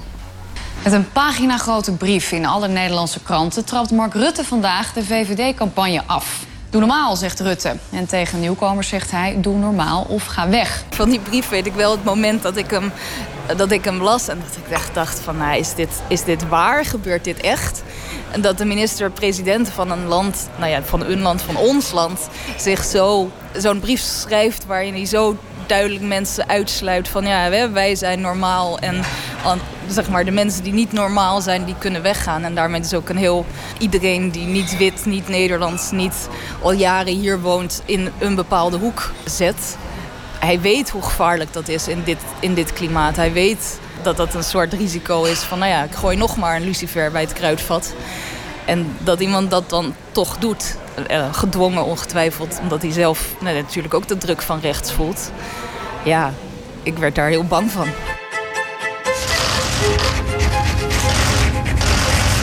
This was something, the five-year ban that I've been talking about a lot on the campaign trail, and we are now putting it into effect. En ik voelde me heel onmachtig. Want je kan natuurlijk wel weer iets op Facebook roepen of op Twitter roepen. Of het is... En dat verdwijnt dan weer onder de lawine van opinies en nieuwtjes en dingen. Maar ik ben uiteindelijk schrijver. En literatuur heeft het vermogen om dat, heel, om dat te overstijgen. Wat een boek als 1984 bijvoorbeeld heeft bewezen. Een boek dat nog steeds een eikpunt is in het maatschappelijk debat. Na meer dan een halve eeuw. Nou, er is geen tweet die over een halve eeuw nog wordt aangehaald. Die, die kans is nul. From this day forward, it's going to be only America first. Het is eind januari van dit jaar. En Auken maakt zich zorgen over Trump en de opmars van het populisme in Europa. Hij voelt dat hij wat moet doen en komt met een idee om binnen één maand een bundel nieuwe literaire verhalen te verzamelen en te publiceren. Eigenlijk de dag nadat ik de gedachte had, stelde ik dat al voor aan mijn uitgever. En ik wist zeker dat ze zouden zeggen: ja, dat kan helemaal niet. Een maand, ben je gek? Maar ze zeiden: je bent gek, laten we het doen. Iedereen is een soort van wakker geschopt. Iedereen die wil iets doen. Ik heb eigenlijk alleen maar positieve reacties gehad. Heel veel mensen konden natuurlijk konden binnen die. Want de schrijvers hebben twee weken gekregen om een verhaal te maken. Wat heel erg weinig is. Want je moet ten eerste uh, Eerst moet je iets bedenken. Je moet ook een idee hebben. En dan moet je het schrijven. En heel veel schrijvers zijn best wel heel druk. Heel veel zijn bezig met de laatste loodjes van een roman. Eh, heel veel konden niet. Ik denk dat ongeveer een derde ja heeft gezegd. Eén van hen is schrijver en politicoloog Wietske Versteeg. Je probeert als individu dingen te doen, als mens dingen te doen. Maar het is ook de vraag, ja, wat, wat kun je als schrijver met, met woorden... wat uiteindelijk, nou ja, dat is je vak, dat is je, je instrument. En als je kijkt naar wat er met de taal gebeurt op dit moment... dan ja, wordt er gewoon ook steeds minder geluisterd. Alle nuances die, ja, die verdwijnen snel uit het politieke debat. Dus wat kun je dan als schrijver doen? Het antwoord ligt volgens de initiatiefnemer van deze bundel in de dystopische literatuur. Verhalen over een akelige samenleving in de toekomst. Het is natuurlijk best wel duister, maar van wat dan dystopische literatuur heet, is dat het je laat stilstaan bij: oké, welke wereld zijn we aan het maken en willen we die wereld wel? Het, het, politieke debat staat meestal heel erg in het nu. En het is heel makkelijk om nu te zeggen: Ik heb last van een asielzoekerscentrum in mijn dorp. Oké, en dat moet dan maar gewoon anders. Maar ga eens even nadenken over wat dat dan precies betekent. Literatuur kan laten zien wat dingen betekenen op termijn. De ruim 20 auteurs hebben allen een verhaal geschreven met als dit zo doorgaat als uitgangspunt. Walter van den Berg heeft een heel mooi en ook wel vrij gruwelijk verhaal geschreven over een soort PVV-knokploeg die actief is in Amsterdam Nieuw-West. 160 verveelde eh, blanke rotjochies die uh, zich geroepen uh, voelen om burgercontroles uit te oefenen. Terwijl Jamal Ouariachi bijvoorbeeld een verhaal heeft geschreven over een rechtszaak, een internationaal strafhof gevestigd in Marokko, waar de leider van deze beweging terecht wordt gesteld. We, we weten natuurlijk allemaal wie de leider is van deze beweging. Beste mensen, ik kan het nog steeds niet geloven, maar zojuist ben ik veroordeeld. Omdat ik een vraag over Marokkanen heb gesteld. De samenleving die Wietske schetst in het verhaal Ervaringsmachine is vooral ziek. Er zijn robots, de mensen voelen zich machteloos, verbazing is ingeruild door fatalisme en voor verzet is het te laat zeg maar, het is een pessimistisch toekomstbeeld, maar het gaat wat je nu ook hebt, die vraag van wat is het moment om in verzet te komen en wat, wat is dan de vorm van verzet? Eh, want je hebt, nou ja, zoals kort nadat Trump gekozen werd, dan zijn er protesten.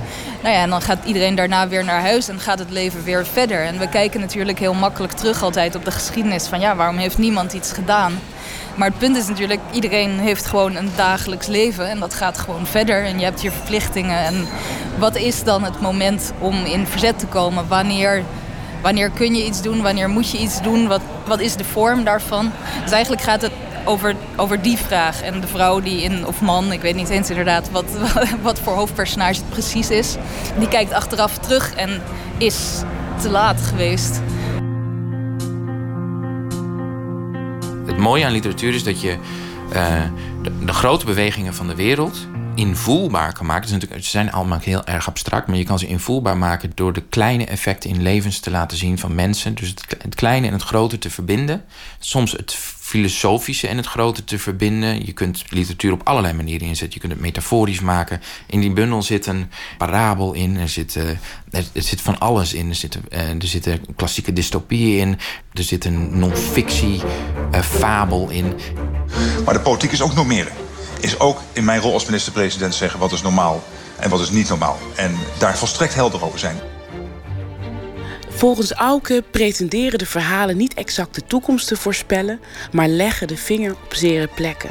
De journalist en schrijver heeft zelf ook een verhaal geschreven, getiteld Het Normalisatiebureau. In deze samenleving is haten bevrijdend en gaan mensen naar een speciaal bureau om met behulp van een helm normaal te worden. En mensen die te ver cultureel afwijken om überhaupt met de helm nog behandeld te kunnen worden, die verdwijnen langzaam uit de wereld, want die zijn niet normaal. Dus de wereld wordt op een zeker moment een soort van hele egale nachtmerrie van allemaal normale Mark Rutte's, eigenlijk. Uh, en de, la de, laatste zin is ook, want de hoofdpersoon ondergaat de, uh, de normalisatieprocedure en wordt heel normaal en word er ook heel rustig van hoor. Word in zekere zin echt best wel blij van dat hij normaal is. Maar dan kan weer rustig haten en zo. Alles kan. Haat voelt bevrijdend, ja, dat, dat, is heel bevrijdend. En de laatste zin is ook, op dat moment wist hij dat hij verschrikkelijk gelukkig ging worden. En het, de kern zit hem natuurlijk in het woord verschrikkelijk. We worden inderdaad overspoeld met de informatie. We, kunnen, we worden steeds meer in hokjes ingedeeld en we blijven in dat hokje zitten. Dus ik denk dat het daarom des te belangrijker is om te proberen, eh, ik zou bijna zeggen, de echte wereld weer in te gaan. Van die online media weg en, en ja, jezelf de vraag te stellen: wie kom ik in mijn dagelijks leven tegen en wie ontmoet ik eigenlijk nooit? En is er een manier om de mensen die ik nooit zie, om die wel te ontmoeten? Ehm, en dat, is, ja, dat kan soms gewoon best angstaanjagend zijn, maar dan kom je uiteindelijk tenminste wel uit die, uit die bubbel, uit die meningen die zich steeds maar herhalen. En dat is inderdaad een hele kleine minderheid, maar die, dat is wel een sluitend proces die steeds meer ruimte voor zichzelf opeisen. Dat gaat ten koste van mensen die gewoon op een normale manier in het land willen leven. Wat heel belangrijk is, dat er rustige, verstandige stemmen zijn die even stilstaan, even een stap terug doen en duidelijk maken op een, op een toegankelijke manier wat de oorzaken zijn onder bepaalde misstanden. Want als er maar genoeg mensen daarvan doordrongen raken, creëert dat automatisch druk op de politiek om een stap terug te doen en een, en een eerlijker verhaal te vertellen in plaats van wat uiteindelijk marketing is. Het is niet dat het nu, uh, hè, van nou ja, nu ligt er een bundel, nu hebben we onze taak gedaan. Ik denk ook dat niemand alleen nog kan blijven ja, informatie zenden, want er wordt al zoveel uitgezonden. Het is tijd om echt goed te gaan luisteren.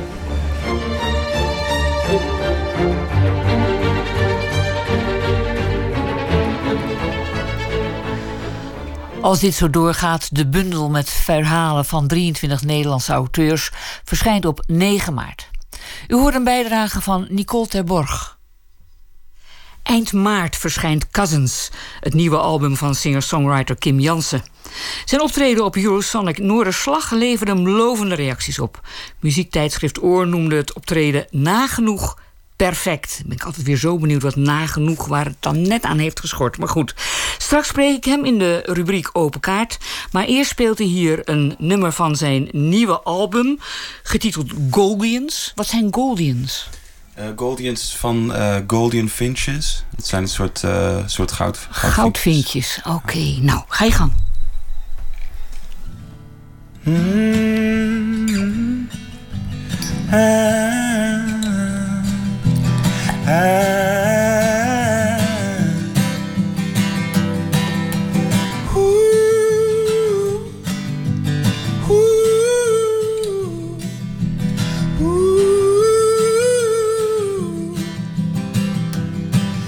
feathers red and gold, raining on the lawn. Suddenly I miss everyone. They're carrying the Nazarene, and it's snowing in the Middle East. I see the white palm trees in my sleep. Need a jewelfish or a wolf, Jack Dempsey to confide in. Cause the ice around me's growing thin. All the greatest say that you will have to let everyone slide you wanna find that needle's eye.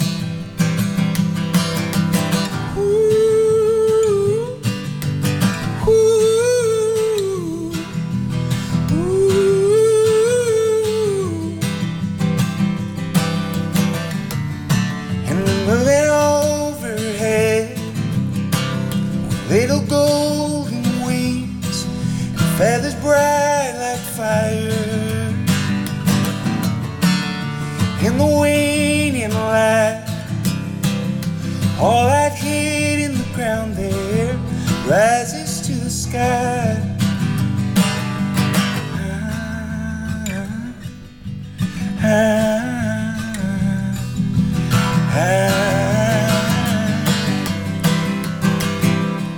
I put on a shirt and a tie Sometimes when I feel alone and go to strangers' funerals, all the greatest say that you will have to suffer everyone's wrath if you wanna walk that narrow path. And they're moving overhead, little golden wings, feathers bright like fire. In the waning light, all that hid in the ground there rises to the sky.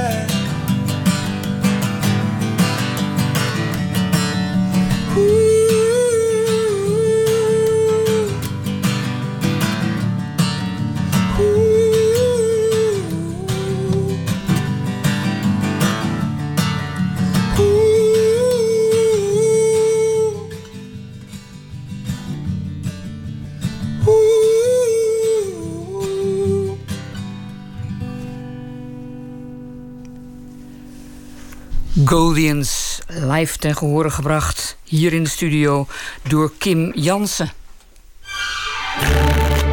Open kaart.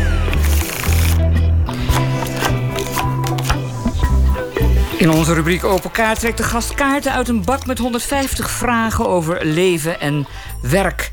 En dit keer doen we dat met de singer-songwriter Kim Jansen. Dat verbaast u niet, want u hebt hem net al gehoord. Uh, hij werd geboren in Nederland, maar hij groeide op in Bangkok, in Phnom Penh, in Kathmandu. En hij wordt geroemd aan zijn verstilde, subtiele, gearrangeerde songs met poëtische teksten. Is een soort van reclamefolder die ik nu aan het voorlezen ben, Kim. Uh, eind maart verschijnt zijn nieuwe album Cousins. En dat is het eerste album in vijf jaar. Uh, je zou bijna zeggen, uh, what took you so long? Uh, ja, nou ja, even kijken. Ik had nog een EP uitgebracht begin 2013. En, en toen heeft het wel even geduurd. Um, ja, ik denk het was een soort van mijn leven opnieuw uh, herinrichten. Ik was ook was uit een band gestapt waar ik heel lang uh, in had gespeeld en veel mee deed. En um, ja, iets, iets nieuws doen, uh, muzikaal gezien. En dat is gewoon, ja, dat kost gewoon tijd. Omdat, om, om er dan een heel album van te maken en niet gewoon een soort van een los nummer. Van hé, hey, dat, dat klinkt interessant. Maar ja, dat die hele plaat, dat het samen geheel is. En uh, ook uh, met teksten was ik vooral ook heel lang mee bezig. Um... Maar je bent altijd lang bezig met teksten, laat ik me vertellen. Oh ja, klopt. Toch? Ja. Ja, ja. ja. het, het, het, is gewoon... Ik wil altijd wel, uh, wel iets ermee zeggen. Dat, het, dat, het, dat de tekst op zichzelf kan staan als een, als een soort verhaal.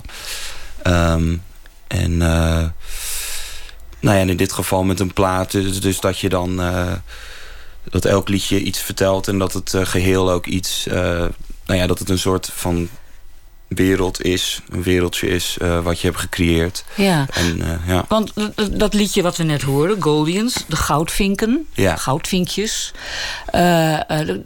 wat ik er van, ik heb het maar één keer gehoord, dus het is eventjes een soort van indruk, maar mm -hmm. er komt een soort van droomwereld in voor met witte palmen en eenzaamheid en het bezoeken van de begrafenissen van vreemden. Wat, wat, wat is de wereld die je hier schetst? Uh, nou dat vind ik wel heel mooi dat, dat je dat gelijk uh, uitpikt. Um, want dat is het, is het wel een beetje inderdaad. Ik hou heel erg van, of vooral op die laatste plaats, van een beetje absurd realisme. Um, dus hele alledaagse dingen combineren met, met gewoon een beetje, um, beetje rare, dromerige dingen. En in dit geval, nou, bijvoorbeeld die witte palmbomen... dat is dan iets wat ik gewoon op het, op het nieuws zag. Weet je, op een gegeven moment... Uh, dat, dat, dat was, was dat 2012, 13, dat uh, sneeuw viel in het Midden-Oosten. In Azië, oh ja, het Midden-Oosten, ja. Um, en uh, ja. en dus dat is eigenlijk dus een combinatie van echt... en in dit geval, ja, die, die, die zwerm met, met goudvinkjes... wat natuurlijk nooit zou kunnen... Um, die, die overheen vliegt en waar, waarvan je dan denkt van ja, wat betekent dit? Um, nou ja, goed, dan heb ik dan zelf wel ideeën bij, maar dat laat ik dan ook wel open. Uh, dat wil je nou niet vertellen. Nee, dat moeten wij natuurlijk zelf allemaal bedenken. Dat snap ik ook wel. Maar je wilde een nieuwe weg ingaan. Uh, uh, je hebt een band achter je gelaten, als het ware. Um, maar nu treed je weer op met een, een, met een tienkoppige band, volgens mij. Van allemaal, wat zijn het, gelegenheidsmuzici? Um, ja, het zijn, het zijn muzikanten van, van, van allerlei verschillende bands. Um, en uh, ja, dit is dan een nieuw project. Ik probeer wel echt zoveel mogelijk een soort van band uh, te zijn. Um, weet je wel, dus dat het er niet uitziet als Kim met, met een paar mensen om zich heen. Nee, nee, nee, nee, nee. nee, nee. En daar was ik ook heel blij met, met die Noorderslag-recensies... Waar, waar dat ook in werd gezegd van, weet je, dat dit ten eerste van, weet je, het was duidelijk van ja, dit zijn fantastische muzikanten. En, um, en dat het er niet uitzag als een eerste show, wat het dus eigenlijk, eigenlijk was. Maar dat het wel gewoon een soort van, nou ja, dit is echt een groep. Um, en uh, weet je wel, dit, uh, dit, dit, ziet er wel echt uit, zeg maar. Maar dat moet ook hele andere liederen opleveren dan we nu net hebben gehoord. Hoewel deze ook van je nieuwe uh, album is. Ja. Uh, maar maar ik, ik, las in een recensie over, over dat optreden... dat het een uitgekiende estafette was van trombone, schallende trompet... prachtige strijkers, koesterende keyboards... tedere zangstem van jouzelf. Ja. Dus, maar het is een heel ander soort sfeer... dan er nu net uit jouw optreden uh, sprak. Ja, nee, klopt. Ja, nu ben ik natuurlijk in mijn eentje... Um, uh, live. En uh, de studioversie van dit nummer, van wat ik net speelde, is natuurlijk uh, is met band, ja, met drums en, en, en synthesizers en, um, en piano, dat soort dingen inderdaad. Um, dus en dat is, ja, dat is denk ik ook de nieuwe, ja, dat is ook die, nieuwe sound wat ik hier op de plaat heb. Het is wat, wat groter. Um, en, en dat was denk ik ook de uitdaging, want ik wou dus wel dat het ja, dat het, weet je wel, de, pakkend was en, en groots en, en soms zelfs dansbaar, maar dat het tegelijkertijd uh, ja, nog steeds heel persoonlijk blijft. En dus als je het nummer bijvoorbeeld uh, weer helemaal naakt uh, speelt, dat het dan, dat dan ook werkt en, en dat die teksten ja, iets, iets zegt. Ja, nee, ik zit, ik zit even na te denken, want op zichzelf uh, beschrijf je nu iets wat eigenlijk voor al je werk geldt. Dus ik probeer erachter te komen wat er de nieuwe weg is die je hebt willen inslaan. Nou, ik wil op die, want op die vorige platen was het dan niet, uh, was het veel meer uh, verstild. Um, en ik had bijvoorbeeld, ja, die laatste twee, dat, dat waren conceptplaten. En dat was dan ook sommige nummers waren dan een soort uh, collage of zo. Of een deel. Het was een soort van uh, film soundtrack. Um, en nu, was het, nu zijn het wel echt gewoon uh, ja, popliedjes. De kop en de staart. En het is gewoon veel meer... ja, het is gewoon veel groter en, en meer popachtig. En meeslepender. Ja. ja. ja. Zullen we eens kijken of we aan de hand van onze open kaartvragen... nog meer te weten komen over jou en wat jou allemaal beweegt. Ik pak even het uh, ding erbij om het open te doen. Ja. Deze. En pak, pak er maar één uit als je wil. En lees hem voor. Uh, wie zou je willen zijn? Um... Nee, dat is wel grappig. Ik had het wel laatst over met een vriend. Hij, hij vond het opvallend dat ik dat juist vaak dat, dat zei. Van oh, ik zou echt net zoals deze of deze willen zijn. Meestal gaat het dan om acteurs. Ik ben wel een beetje een uh, filmliefhebber. En dan, uh, weet je, dan zit ik een film te kijken met, uh, weet ik veel, Michael Fassbender of Ryan Gosling of... Uh... Ja, wie wil dat niet zijn? Ja, nee, dan, dus ja, ja. dat is altijd, dat is voor mij heel duidelijk van net als, ja, dat is eigenlijk, net als een klein jochie. zo ben ik nog steeds wat ik denk van, wauw, weet je, dit, dat is echt fantastisch. Maar zou je acteur willen zijn of zou je die acteur willen zijn? Um, nou ja, het is een beetje, het is misschien ook een beetje die, die rol in die film... Welke film hebben we het nu over? Nou ja, bijvoorbeeld... Um... Want Ryan Gosling eh, speelt bijvoorbeeld in La La Land... Ja. die net geen Oscar heeft gewonnen gisteren. Nee, dat ja. was een heel uh, verpante situatie. Maar ik... Uh, nou ja, bijvoorbeeld Ryan, Ryan Gosling in La La Land... of bijvoorbeeld uh, Ryan Gosling in Drive. Weet je, Drive, een mm. van mijn favoriete films. Um, hoe, hoe, die, weet je wel... Zo'n zo verstild karakter, hij zegt bijna niks... Ehm, eh, maar, maar zo eh, ja, integrerend en, en eh, weet, je, denkt, weet je wat een fantastische, wat een fantastische gast. En dus ook gewoon de rol, maar ook is het ook ja, Ryan Gosling zelf.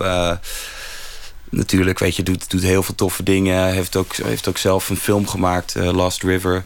Heel erg ondergewaardeerd, vind ik. Was, weet je, was een fantastische film. Ehm, dus op die manier kijk ik wel naar, naar dat soort mensen op. Ehm, En als je dan nog ook zou kunnen, zo, zou kunnen dansen als hij blijkbaar kan... ja, dan was het helemaal fantastisch. Ja. Ja, oké, Ryan Gosling. Probeer er nog, nog een kaart.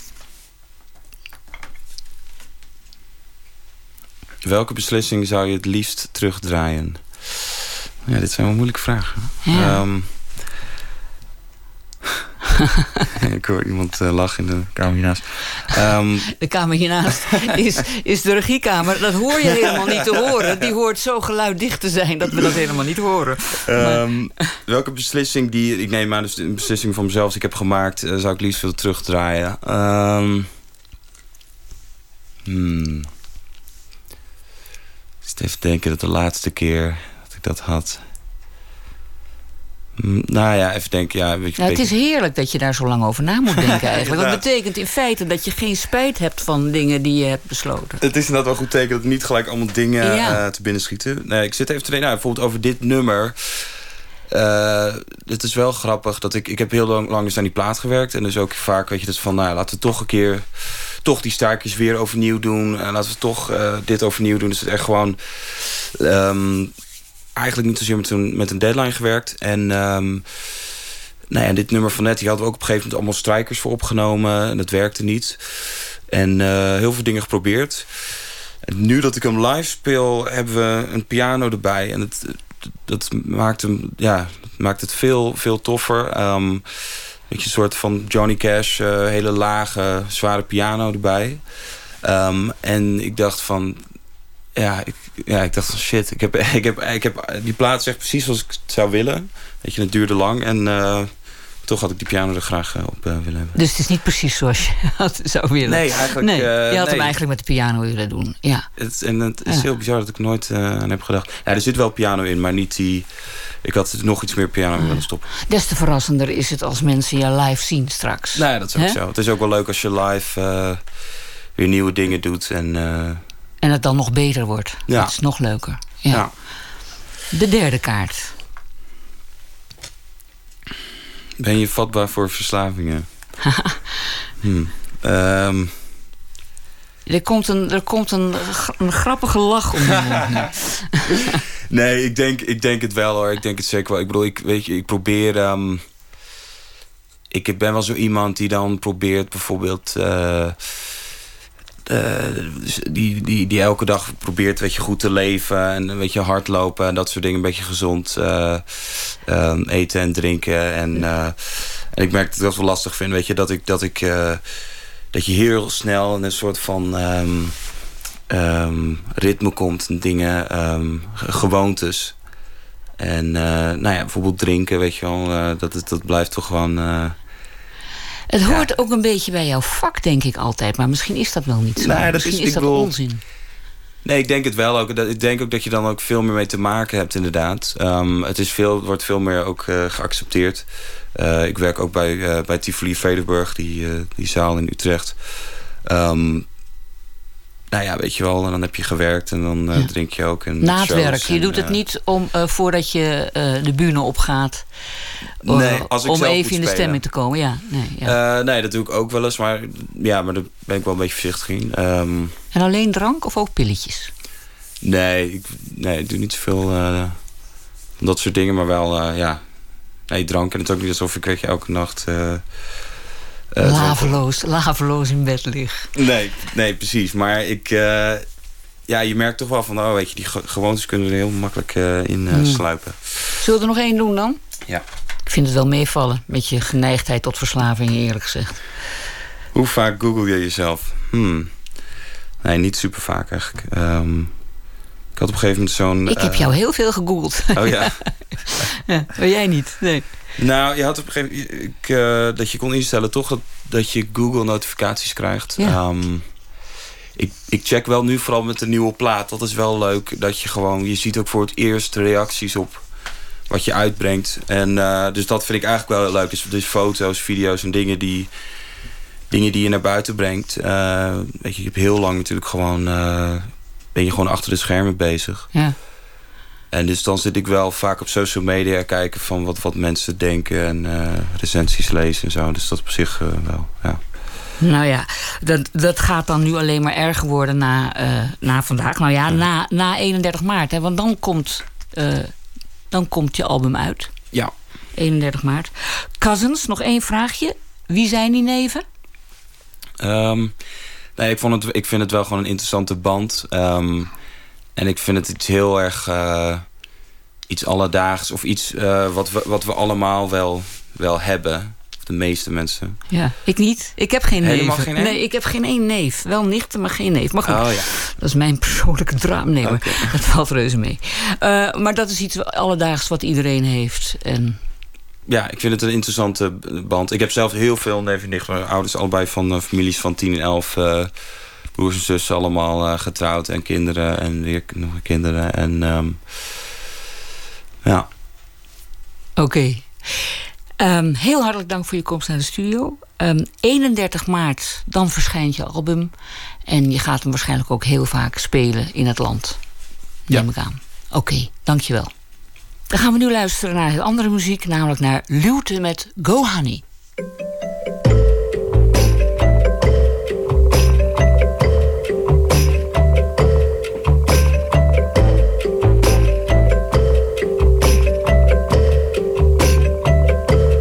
You just see the sun rise at the same time. Still, it takes a lot of time to look at the same sight.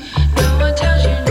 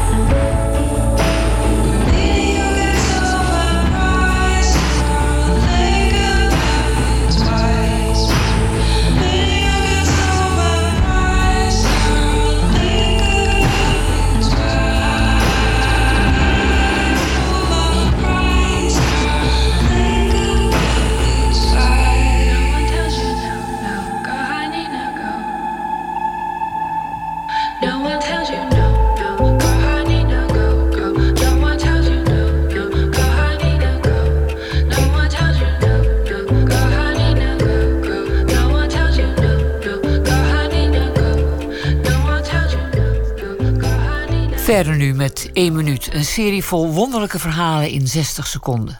De bijdrage van vandaag heet Drie leuke dingen. Pst, 1 minuut. Eh, 6 september. Ik ben alleen naar de sportschool gegaan, ondanks dat mijn vriendin heeft afgebeld. Ik heb mijn administratie op orde gebracht. Ik heb mijn kledingkast opgeruimd. Elke avond uh, voor ik ga slapen, dan lig ik in bed nog even na te denken. En dan uh, laat ik altijd nog even de dag de revue passeren. En dan probeer ik altijd drie leuke dingen te herinneren die ik die dag heb meegemaakt. Uh, leuk geslaagd in de uitverkoop. Ik heb een leuk sms'je gekregen. Ik heb een complimentje gekregen van een collega. Ja, het is niet altijd even makkelijk hoor, iets te bedenken. Soms ben ik daar best wel even mee bezig. maar er zijn ook wel eens dagen dat ik met gemak wel vier of wel vijf momenten kan bedenken. En er zijn ook momenten dat ik soms niks kan bedenken. Dus dan probeer ik uh, uit mijn reserve te putten. En dan denk ik daaraan, ja. Eigenlijk speel ik een beetje vals. Een klein beetje. Ja, maar goed, het helpt. U hoorde één minuut en deze werd gemaakt door Jennifer Patterson.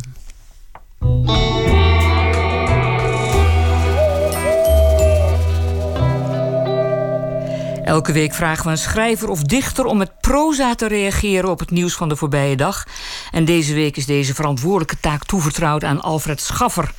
Hij is dichter en docent aan de Universiteit van Stellenbosch in Zuid-Afrika. En hij debuteerde in 2000 met de dichtbundel Zijn opkomst in de voorstad. Zijn meest recent verschenen bundel is Mens, Dier en Dink. Ding, sorry. En ik heb hem nu aan de lijn. Goedenacht, Alfred. Goedenacht, Clary. Wat houdt Zuid-Afrika nu bezig eigenlijk, zo deze dagen? Um, ja, dat zijn natuurlijk wel hele andere zaken dan in Europa. Hè. Hier geen uh, rechts- of populistische partijen die de verkiezingen dreigen te winnen. Um, hier zijn het ja, de gebruikelijke zaken zoals altijd eigenlijk. Criminele zaken. Uh, wel populistische partijen, maar geen verkiezingen. Nee. hier in de Westkaap-provincie waar ik zit een enorme droogte. Waar, uh, waar toch wel echt een crisis aan zit te komen door dreigend watertekort. Maar uh, het is wel leuk op zo'n dag als vandaag dat het, het wereldnieuws ook hier in Zuid-Afrika ook wel een heel klein beetje beheerst wordt door iets dat er dan uh, in Hollywood plaatsvindt. Dat ah, maakt niet ja. uit in welk in het land je woont, maar dan is het toch eventjes hoofdnieuws. Misschien ook als, ja, als verluchtiging of zoiets van de, van de dagelijkse beslommeringen. Dat is wel grappig. Ja, en heb je dat ook uitgekozen als het nieuws dat jou vandaag heeft beziggehouden? Ja, ik dacht laat ik daar toch maar iets mee doen. Het was toch wel uitzonderlijk gênant. Ja, laat maar horen. Ik weet het. Er wordt nu internationaal een loopje met me genomen.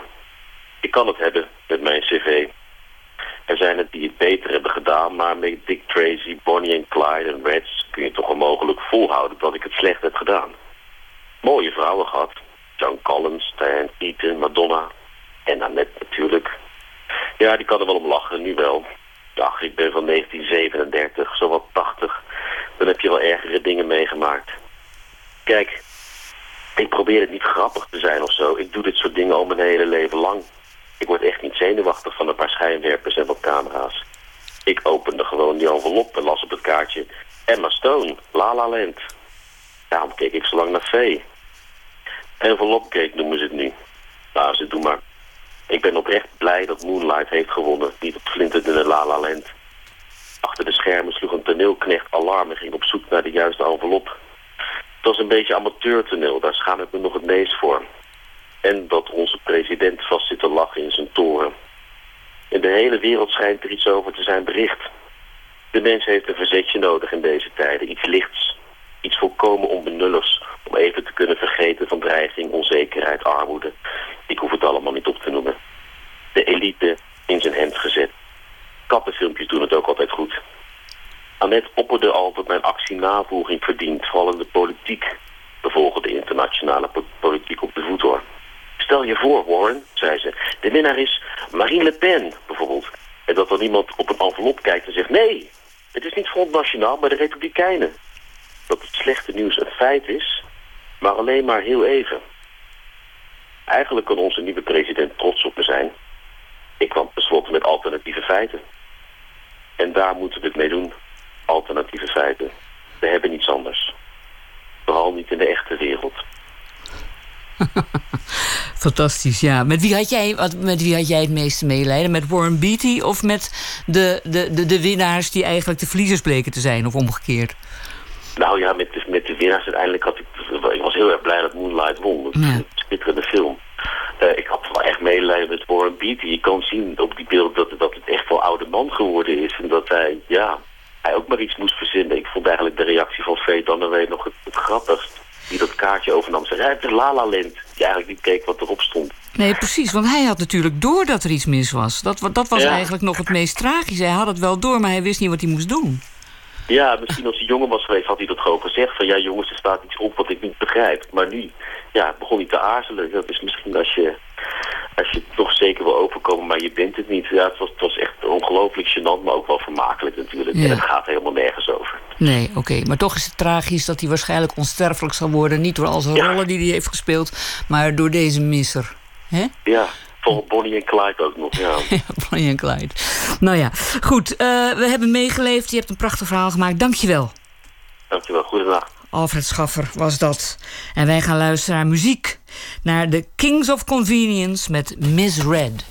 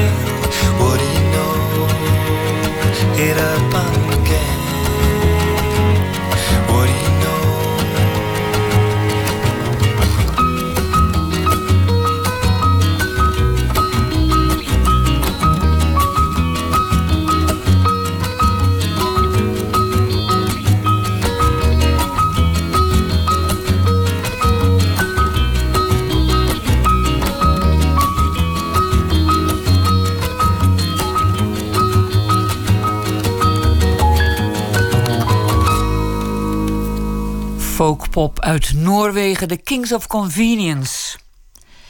We sluiten af met poëzie van Menno Wigman. In 1997 maakte hij zijn officiële debuut met de bundel Zomers stinken alle steden.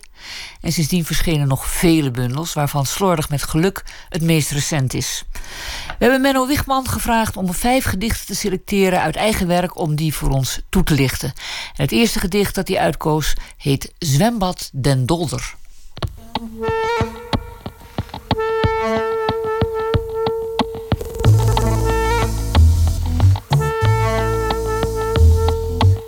Zwembad Den Dolder. Er zijn gevoelens die fascistisch zijn. De vader die niet weet waarom hij slaat. De zoon die half verblind in foto's krast.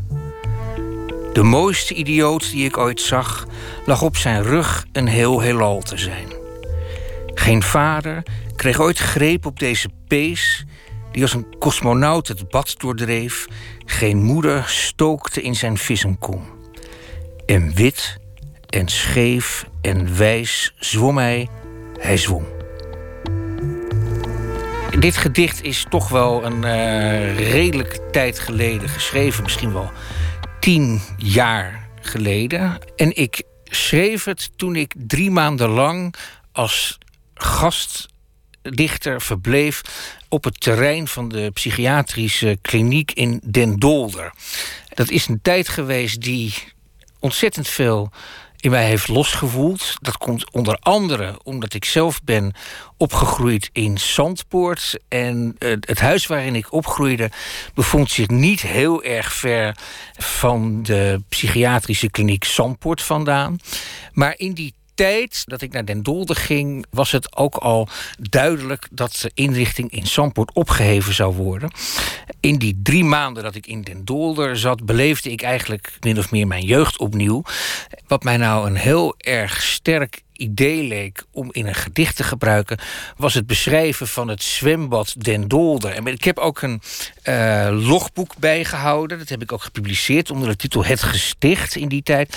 En daarin beschrijf ik hoe ik met allerlei vreemde beweegredenen toestemming vraag om in het zwembad te mogen kijken. En uh, ja, daar heb ik daadwerkelijk gezien hoe een, uh, ja, toch een, een idiote jongen uh, op zijn rug een heel heelal lag te zijn. Dit gedicht speelt ook met een heel beroemd Nederlands gedicht, namelijk De Idioot in het Bad van Vazalis. En zij heeft in Zandpoort gewerkt en heeft dat ook gezien. En uh, ja, met dit gedicht wilde ik toch ja, iets vastleggen van, de, van alle tegen stellingen die er in een psychiatrische kliniek zijn te vinden. Dus aan de ene kant uh, het harde leven van volstrekt verweesde zielen. En aan de andere kant toch ook uh, de volstrekt afgesloten wereld van psychiatrische patiënten. En uh, ik denk uiteindelijk dat al die smoesjes waarmee ik in het zwembad ben gaan kijken, dat die toch echt dit gedicht gerechtvaardigd hebben. Zwembad ten Dolder. Er zijn gevoelens die fascistisch zijn. De vader die niet weet waarom hij slaat. De zoon die half verblind in foto's krast. De mooiste idioot die ik ooit zag, lag op zijn rug een heel heelal te zijn. Geen vader kreeg ooit greep op deze pees, die als een cosmonaut het bad doordreef. Geen moeder stookte in zijn vissenkom.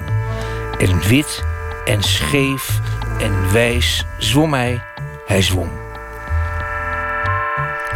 U hoorde Menno Wigman met het gedicht Zwembad Den Dolder. Ik vertel u nog iets over morgen. Dan komt Roel Jansen langs. In 2007 won hij met het boek De Tiende Vrouw de Gouden Strop. De prijs voor het beste spannende boek. En het hoofdpersonage uit dit boek, Tessa Inzinger... die komt terug in zijn nieuwe thriller Alles Verloren. Uh, zij komt op het spoor van een complot dat de Europese vluchtelingencrisis in een schokkend politiek daglicht stelt. Daarover dus meer morgen. Graag tot dan.